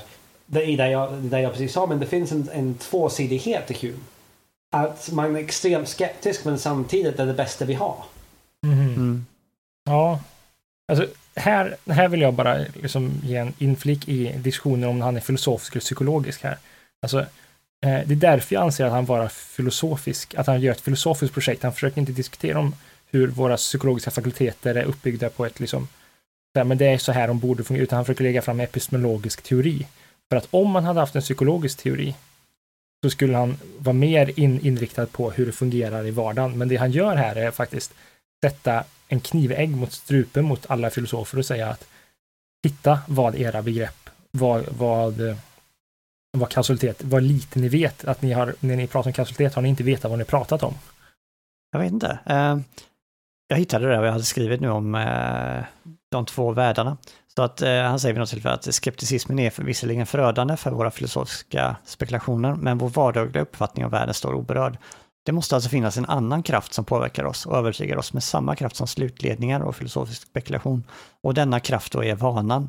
Är inte det då liksom en mm. psykologisk observation att jo, men vi berörs av en annan sorts kraft här? Ja, att, det kanske är. Jag har den åsikten, och det kanske är en ganska relevant åsikt, men om Hume fanns idag skulle han vara kognitionsvetare. Jo, det kan jag tänka mig. Mer än filosof. Mm. Mm. För han tycks vara så att vi gör en psykologisk undersökning och det, William, du var lite osäker på att kalla det empiri, men det tycks vara hans sätt att närma sig empiri, nämligen att introspektera, att titta efter i sitt eget medvetande och försöka hitta saker. Och baserat på vad han hittar där, rent alltså beskrivningar av sitt eget psyke, att han tenderar att reagera på så här och så här och han tenderar att reagera på andra fenomen på detta sättet, så drar han liksom filosofiska konsekvenser av det, att det betyder att det är på detta sättet.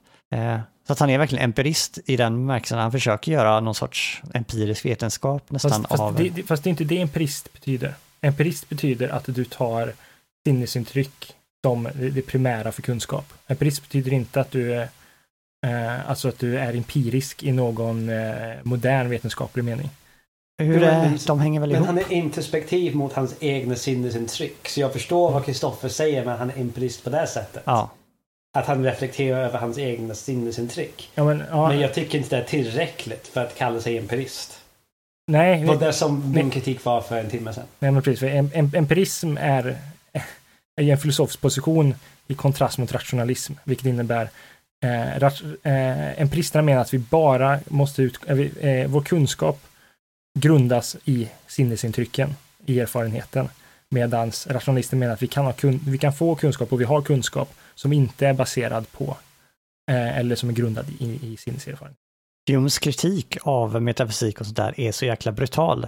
Och antar ja. att problemet är att om man verkligen tar den på allvar, och hans kritik om induktion och hans kritik av kausalitet, så tycks den drabba Hume själv. Han liksom använder lite grann det här själv. Så till exempel, det här är tyvärr inte någonting jag hittat i Hume, men jag såg den eh, uttryckas på Stanford Encyclopedia, så var det någon som skrev om Hume som skrev någonting i stil med att jo, men våran eh, habit, alltså custom, det här kraften vi pratat om nu, eh, orsakar oss att tänka så här och så här och så här.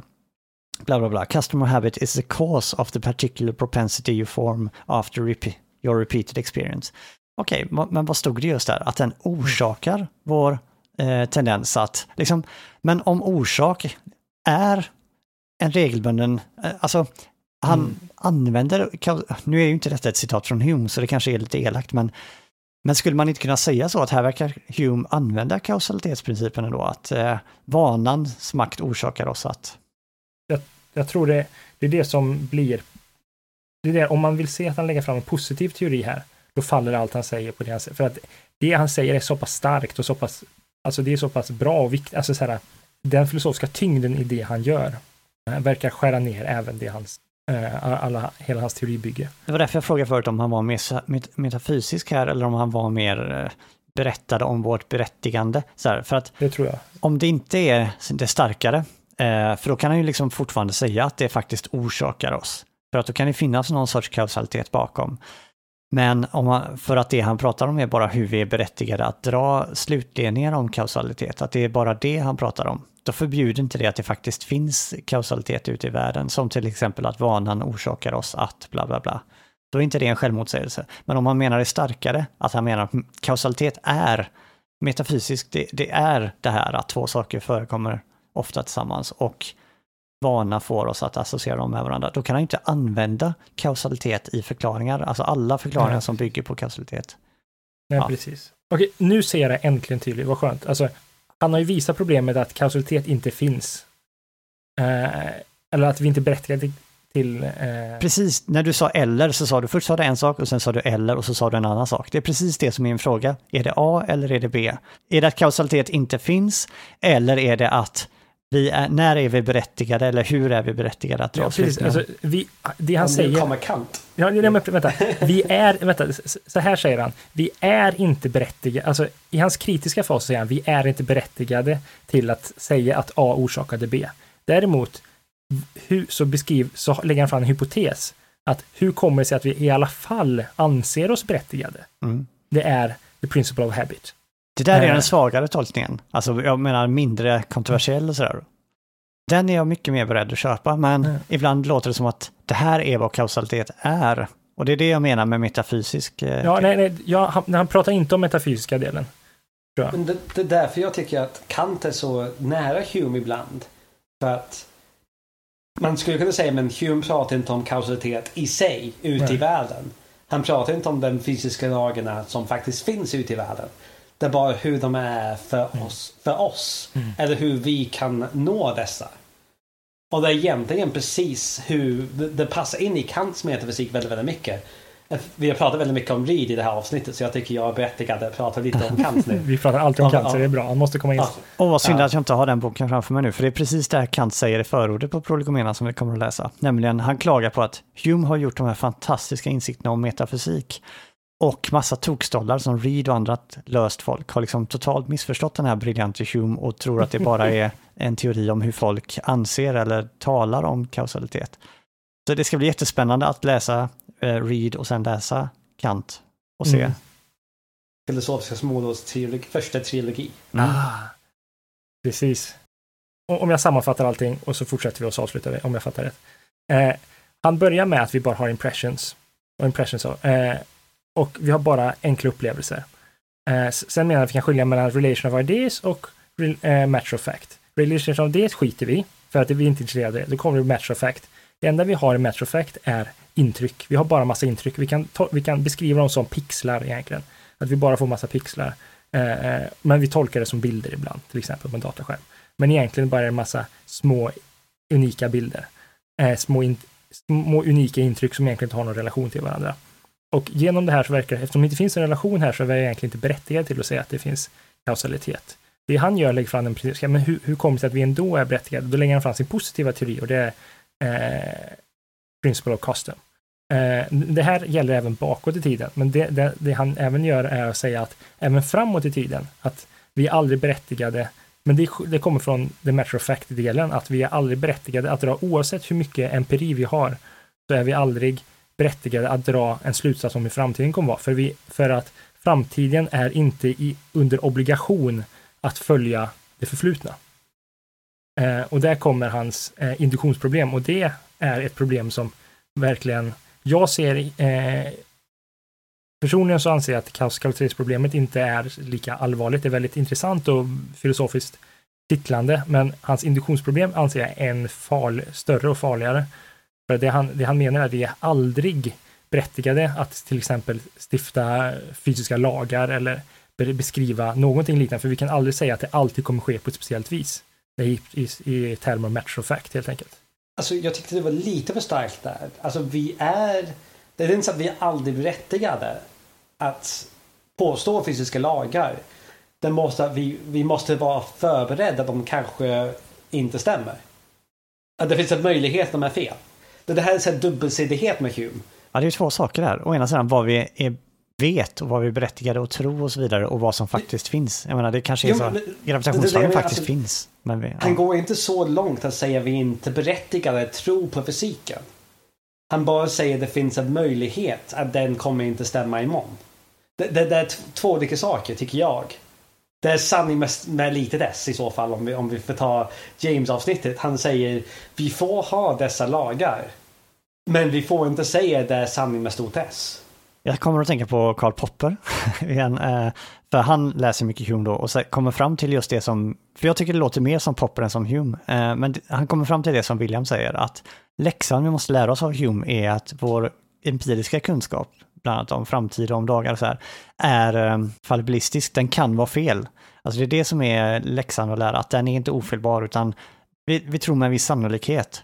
Eh, till skillnad från inom matte och så där, där vi kan ha absolut säker kunskap. Och Popper skiljer mellan två sorters kunskap. Å ena sidan episteme, som är verkligen om vi ska använda de där James-begreppen då, det är sanning med stort S, alltså det är helt absolut säker kunskap. Men sen finns också doxakunskap som är mer så här sannolik, eller den är troligtvis är det på detta sättet. Och den är liksom mer, vi är berättigade att tro detta. Det är inte bara tycke och smak, utan det är verkligen, vi har goda skäl att tro detta. Men det är inte liksom, det kan vara fel, det kan visa sig inte stämma. Um, för, för, jag tycker att det budskapet finns i Hume. Och det finns en briljant systerstycke i Hume. Um, som jag vill ta upp. Mm, sure. um, för den är så extremt bra. Och så, ursäkta, jag måste läsa lite på engelska. Det är väl Uh, bättre att du gör det som kan det. Mm. Uh, Det låter bättre än du gör det. När vi gör det. When we run our libraries persuaded of those principles, what havoc must we make? Så här, vad vad ska vi ta för slutsatser nu i vår bibliotek? If we take in our hand any volume of divinity or school, or school metaphysics, for instance, let us ask, does it contain any abstract reasoning concerning quantity or number? No. Och det här handlar om deduktion och så vidare, matematik och så vidare. Och sen nu kommer det intressanta. Does it contain any experimental reasoning concerning matter of fact or existence? No. Commit it to the flames, for it can contain nothing but sophistry and illusion. Så Han säger då, om det inte finns experimentell, eh, om det inte är matematiskt eller experimentell, elda upp det. Uh, ungefär det som han säger här. Men det intressanta här, han säger det experimentella här, även om det vi vet att det handlar bara om eh, regelbundenheter. Det kan ha fel. Det är det som får finnas i vår bibliotek. Ja. Oj. Men- Så det är det som är det positiva budskapet i Hume. Ja, Oj, precis. oj, oj. Så han tillåter naturvetenskap fast den inte är Mm, absolut mm. säker. Eh, och han tillåter ren strikt matematik och sådär, ren, ren matematik. Ja, Men och det, det var det som jag filosofi... Ja, Ja, man, man måste, det finns en positiv budskap i Hume. Han är starkt empirist samtidigt som han är en väldigt stor skeptiker. Så det blir väldigt brutala slutsatser för resten av filosofin. Vad ska vi filosofer syssla med? Och det är ju det som lite grann får eh, Kant sen att eh, gå igång så mycket och inse att shit, Hume har någonting jätteviktigt här som måste mötas. Att ingen har förstått vilken extremt allvarlig kritik som Hume riktar mot all filosofi.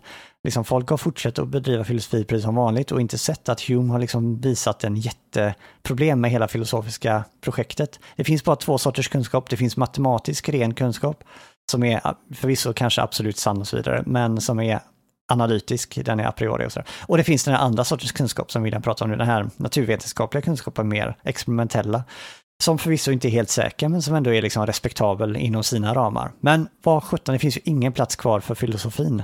Och det är det som är Kant ser som sin uppgift då, att han ska rädda filosofin och metafysiken undan den här Hume. Ett Mm. eh, ironiskt problem som ofta brukar nämnas, det nämns ofta att jag nästan drar mig för att säga det, men en sak som brukar nämnas är att, okej, gå igenom mitt bibliotek, jag har ett litet, litet minibibliotek med massa filosofi. Om jag följer Humes principer här så är det ganska många av de här texterna som kommer att behöva eldas upp. Kanske funkar bra i vintrar om det blir kallt så här. Men jag tar upp den här gröna boken. Eh, det är ett porträtt på en liten gubbe och så står det David Hume, an enquiry concerning human understanding. Okej, jag plockar upp den här boken, tar den i min hand och så frågar jag mig, innehåller den, eh, okej, okay, jag har inte citat framför mig nu, men innehåller den matematik och geometri abstrakta? Nej, det gör den inte. Innehåller den experimentell eh, vetenskap, bla bla bla, concerning matter of fact and existence? Ja, lite grann kanske, men Nej. risken är ganska stor att den här boken som Hume just har skrivit själv är en sån där som måste eldas upp. Mm. Men, men då är det intressant att framförallt Simons problem med hans resonemang, varför det här borde inte få godkänt som C-uppsats, är kanske därför det inte ska eldas upp. Och, va? För att, för eftersom han försöker använda sig av sin egen empiri, Mm. efter, eller hans egen sinnesintryck så mycket. Ja. Det är därför det inte ska eldas upp. För han försöker verkligen att hålla sig vid det här. Mm. Det här är en experimentell verk. Det är Så så tror jag han, om han kommer Nej. undan så är det nog därför. Och det är därför också, så här, jag har frågat flera gånger, är det metafysik eller är det mer beskrivande psykologi? Är det beskrivande psykologi och resonemang där kring? Ja, men då kanske man inte bör elda upp boken. Men en del då har då tyckt att hans bok själv är metafysisk. Det här är ju väldigt eh, tacksam parallell mot en trend som kom på 1900-talet, den här logiska positivismen Mm, som ni känner igen. De är på ett sätt väldigt lika Hume och inspirerades mycket av honom. De var ännu hårdare mot all metafysik och tyckte att det var nonsens. Problemet är att eh, deras egna påståenden inte var liksom experimentell vetenskap, utan det var också metafysik. Och det, det tycks vara, en lära jag ibland har tänkt på, det är så här att en läxa av detta är kanske så här att oavsett hur illa du tycker om filosofi, om man nu tycker det, jag tycker ju själv om filosofi, men om man tycker filosofi är skit, så tycks det som att vi är liksom eh, fast med skiten. Vi kan liksom inte göra oss av med filosofi utan att använda filosofi. Jag hörde en väl, jag, eh, jag laddade ner en föreläsningsserie, oj, jag lyssnade på en föreläsningsserie menar jag, eh, om vetenskapsfilosofi och berättigande till varför vi ska göra vetenskapsfilosofi eller varför vi ska filosofi, studera filosofi överhuvudtaget. Det är för att det är extremt få gånger och, och, det är extremt svårt att inte bli filosofisk i en diskussion om vetenskap och vetenskapliga resultat. Mm. Därför finns det en poäng i att försöka bli bra på filosofi och bedriva det på ett bra sätt. Mm. Um, för att det är att för resultatet som har blivit framförallt av logisk, alltså Hume är ju rolig på det viset ändå, men om man läser många logiska positivister, så blir, så, alltså det de vill att man ska prata om är så sjukt tråkiga och enkla och basala saker. Um, så att det blir liksom ointressant i slutändan. Och påståendet att vi bara ska prata om de här enkla sakerna och, så här, och resonemangen kring varför vi ska göra det är själva påståenden som inte mm. är av den sorten. Alltså de, de, Nej, det är filosofi. Så det, det tycks vara omöjligt att komma undan helt enkelt, filosofin. Mm. Jag känner att jag håller inte med han i början. Jag anser att hans, alltså hans uppdelning med impressions och ideas är hans, liksom hans, hans teori om eh, som blir, som vi, när vi pratade om Berkeley så pratade vi om att det blir typ en indirekt realism, att vi upplever bara intryck eller vi upplever idéer. Liksom. Um, jag köper inte det från början. Så jag köper han inte från sida ett. Jag anser att från den teorin, så han, han, är konsekvent på det viset att han menar att det leder till kausalitetsproblemet. Ehm, och kausalitetsproblemet förnekar kunskap bakåt i tiden och framåt i tiden. Ehm, framåt i tiden är snarare en variant av induktionsproblemet. Jag anser att vi kan förneka, hans, eller jag anser att vi kan besvara hans eh, indirekta eh, slash idealism, indirekta realism slash idealism och hans kausalitetsproblem. Ehm, vi gör det väldigt lätt, väldigt bra via Read eller via Kant. Eh, däremot så är in, induktionsproblemet kvar, anser jag. Det, det, det, har han fortfarande, det finns fortfarande kvar. Eh, och Kant har gör en bra variant av det. Men vad, vad, hur tycker ni? Anser jag ni att... håller inte riktigt med. Alltså jag ser inte hans idealism och indirekt realism som så nödvändig. För mig är det liksom, när han skiljer mellan ideas och Eh, I idéer och intryck så skiljer jag mellan perception och kognition och tycker mig se en eh, intuitiv rimlighet i det. Oavsett om man är direktrealist, att liksom de här intrycken är direkta intryck av världen eller om det är intryck av sinnesdata. Jag ser inte det som, jag kan ta en direktrealistisk Hume där lika gärna. Men eh, eh, sen hans kausalitetsbegrepp tror jag, känner jag är bristfälligt. Eh, just möjligtvis visar han att vi inte kan se kausalitet, men äh, även där finns det folk som argumenterar mot sig att vi visst kan observera kausalitet. Jag, jag vet inte. Eh, men en sak du sa där som jag funderade på Simon, du sa att vi kan kausalitet är inget problem i det förflutna. Hur menar du då? Och hur skulle du argumentera via Hume? Är det att vi ser kausalitet i det förflutna eller att vi, relation of ideas, liksom på något sätt får kunskap om, eller hur får vi kunskap om kausalitet i det förflutna? Nej, okej, okay, jag, alltså jag säger ju det som sagt att eh, om, om man har en direktrealism snarare, eh, då pratar man om, eh, då upplever man eh, objekt eller eh, saker och ting i en eh, oftast tredimensionell rymd eller liknande. Mm. och då finns en relation mellan objekt på ett helt annat vis. Så det är huvudvärkstabletten och huvudvärken i det förflutna. Huvudvärkstabletten orsakade att jag slutade ha okay. huvudvärk. Ja, jag tänker, inte, jag tänker inte följa den. Jag kommer ta biljardbollen Förlåt för att det är mer lättare att få in min poäng att vara positiv. Din, din kommer jag gå en slippery slope och förlora. Så jag, så, eh, jag tar biljardgrejen istället. För att om man har hans indirekta realism, då är man bara upplevelse, en upplevelse av biljardboll och en upplevelse av en annan biljardboll. Eh, Medan om man har en direktrealism när man upplever då har man två objekt i samma rymd, då upplever man båda två samtidigt. Och, då, eh, och om man har en annan utvecklingspsykologisk teori om hur vi är berättigade till kausalitet till exempel, så anser jag att vi är mer berättigade. Vi, vi, har, vi har andra verktyg. Jag anser inte att det är lätt, men jag anser att vi har verktyg till att beskriva kausalitet och förklara kausalitet. Eh, Man hade ju kunnat tänka sig, även om vi är direktrealister och vi ser en tredimensionellt rum, att eh, biljardbollen bara åker rätt igenom den här biljardbollen. Att liksom fysikens lagar vore annorlunda. Så det är liksom inte rela- relation of ideas, alltså a Ja, nej, Nej. det skulle kunna vara så i framtiden. Ja, induktionsproblemet håller kvar. Men inte att det inte var så i, i, när jag försöker tänka hur det var när jag kollade på biljard sist. Ja, men när du såg biljard sist och du minns detta, Ja. så såg du A döda till B. B. Ja, såg du A orsaka B eller såg du att A rörde sig och sen rörde sig B? Det är ju Humes fråga. I det förflutna, vad var det egentligen du observerade? Du såg två tredimensionella objekt röra sig enligt något visst mönster.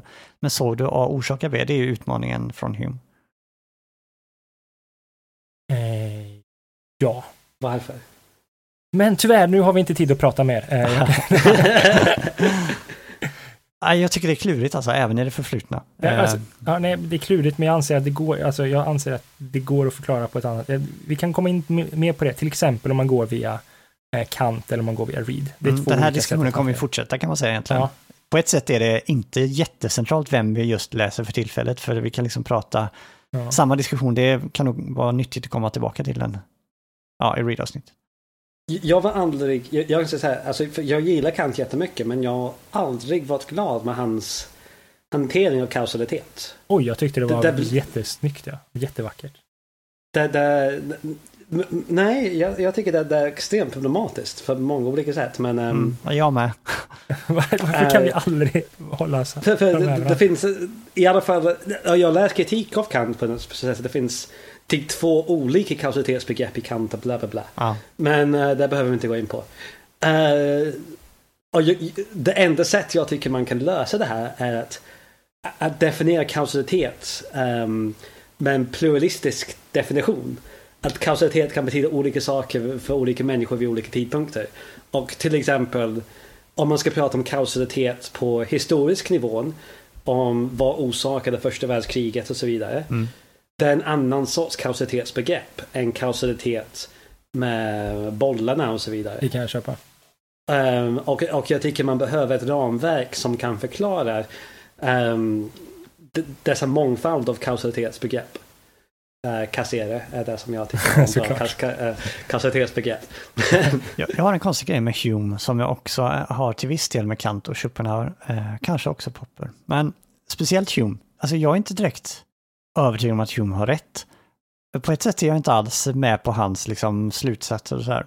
Och trots det tycker jag det är så förbaskat bra. Jag bara sitter och nästan äh, skakar när jag läser det. Jag bara, det är så briljant, det är så fantastisk filosofi och jag, jag har läst det flera gånger nu den här boken och jag slår samma gång av hur stort det är och jag, jag har fått samma känsla när jag läser Kant och sådär. Och jag tror att vissa filosofer är, även om de har fel, även om jag inte håller med dem, så är det någonting som är bara så briljant med deras undersökning. Och det är vissa saker som klingar så rätt och sen så kanske de går lite fel, men det, ja, det är något som är så fantastiskt med det. Det blir väldigt svårt att prata om det när man säger, liksom, om det är någonting man inte håller med om. Eh, jag menar, om, om jag har en filosof som jag tycker har helt rätt om allting, då är det inte så konstigt att förklara varför jag tycker just den filosofen är så bra. Men när det är någon man inte riktigt håller med och förklarar varför man då tycker det är så fantastiskt bra, det är lite svårare att sätta ord på det. Men Hume är en sån filosof för mig som är, det är någonting så fantastiskt att läsa. Jag får Russell är en annan sån filosof. Eh, och Schopenhauer då, som jag inte alls håller med om mycket, men som också är så här, det är så värt att läsa även om de har fel, det är någonting som är så stort med det bara. Och jag och Simon hade ju den här diskussionen precis innan, där Simon, du sa att du har sådana upplevelser med Reed, men inte med Hume. Fast det liksom, du tror inte att någon av dem har rätt till 100 procent. Frågan är vad 17 det är som påverkar oss så mycket. Ja, men alltså, det är så konstigt för just, alltså, jag samma med Kant när jag läste, alltså jag blev, när jag läste Kant, jag blev helt liksom, jag tyckte det var fantastiskt. Alltså jag tycker att Humes kritik av kausalitet och Humes framförallt av induktion tycker jag är så filosofiskt provocerande så det bara kan bli och det är väldigt härligt och roligt. Däremot, hellre bara få det beskrivet för mig på en halv sida än att läsa honom. Av någon anledning så tycker jag inte, alltså jag har försökt läsa hans treatise, eller jag har läst hans treatise och jag tyckte det var så tråkigt.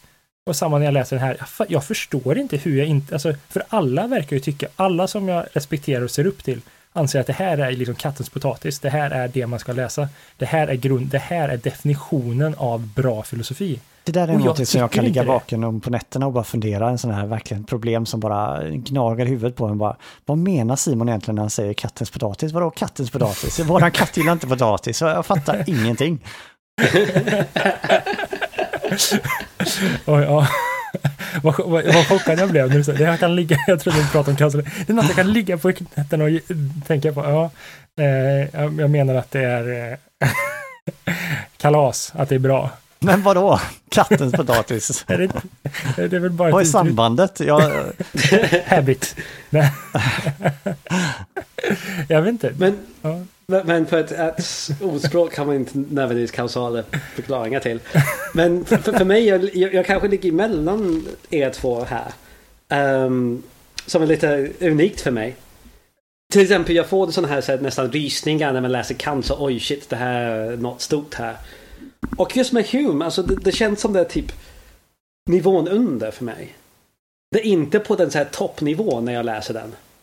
Just alltså jag tycker den är bra, jag tycker att alla ska läsa den, jag tycker det är en extremt bra ingångsport till filosofi. Jag tycker det är vettigt och jag tycker man borde läsa det om man uh, har läst filosofi ett tag, alltså det är en nödvändig läsning. Mm. Men det ger mig inte något dessa så här, oj jag kommer mot sanningen. uh, alltså jag får det är mer åt Descartes-hållet nödvändig läsning för att bli så skeptisk som man borde bli inom filosofi. Med en Kant som är oj shit, nu gör jag ett försök att förstå verkligheten. Mm. Alltså, om jag skulle anse att man behöver läsa, om man ska välja mellan att läsa som första bok så läs hellre Descartes än Hume. Däremot så... Jag säger läser Hume istället för Descartes. Okay. För att just det med det, det, det samma språk ja, nästan okay. som idag. Ja, jo, det är sant. Men, Men alltså, jag, jag skulle säga eh, läs Descartes och sen så läser du en sammanfattning på Wikipedia om Hume. Eh, snarare än att läsa Hume och läsa en sammanfattning av Descartes på Wikipedia. Men om du inte läser det här så kommer du inte förstå att samer inte dricker vin. det är sant. Det är sant. Fast det är mycket också, vi läste ju inte hela boken nu, eller inte alla av oss läste inte hela boken den här gången och sådär. Men jag menar, hans kritik av eh, mirakel och sådär, om religion och vidskeplighet är ju helt enormt nyskapande och djärvt. Ja, okay. och, ja, han har massa andra komponenter, eh, delar i den här boken som också är intressanta. Okej okay, då. Har vi något annat att säga? In, inom inspelningsramar? Um, han heter David i förnamn, jag tror inte det har sagt. Kanske inte. Men näs, nästa gång så ska vi, det var faktiskt bra. Nästa gång så ska vi diskutera personlig identitet. Eh, vi ska läsa Derek Parfits eh, artikel eh, personlig identitet som, kan, som ni kan hitta i eh, Filosofi genom tiderna, antologi eh, band 5. 1950 och efter. Eller så får ni hitta den på något annat sätt helt enkelt. Där är den översatt till svenska i alla fall. Jag eh. misstänker att då kommer vi bryta trenden med att jag och William är, eh, spelar i samma lag. Ja, du tror det? det kommer nog vara tillbaka till ordningen. Eh. Ja. Och vi kommer... Jo, alltså personlig identitet är mina så här jättefrågor. Så det... Men också jag har en extremt... Okej, okay, det är inte så konventionell tankesätt jag har om det här ämnet. Har jag hört av någon väldigt nyligen. Jag kommer vara den som är utanför igen. Vad hemskt det lät. Men tack så jättemycket. Tack själv. Eh, ha det gott. Bye, bye. hej. hej.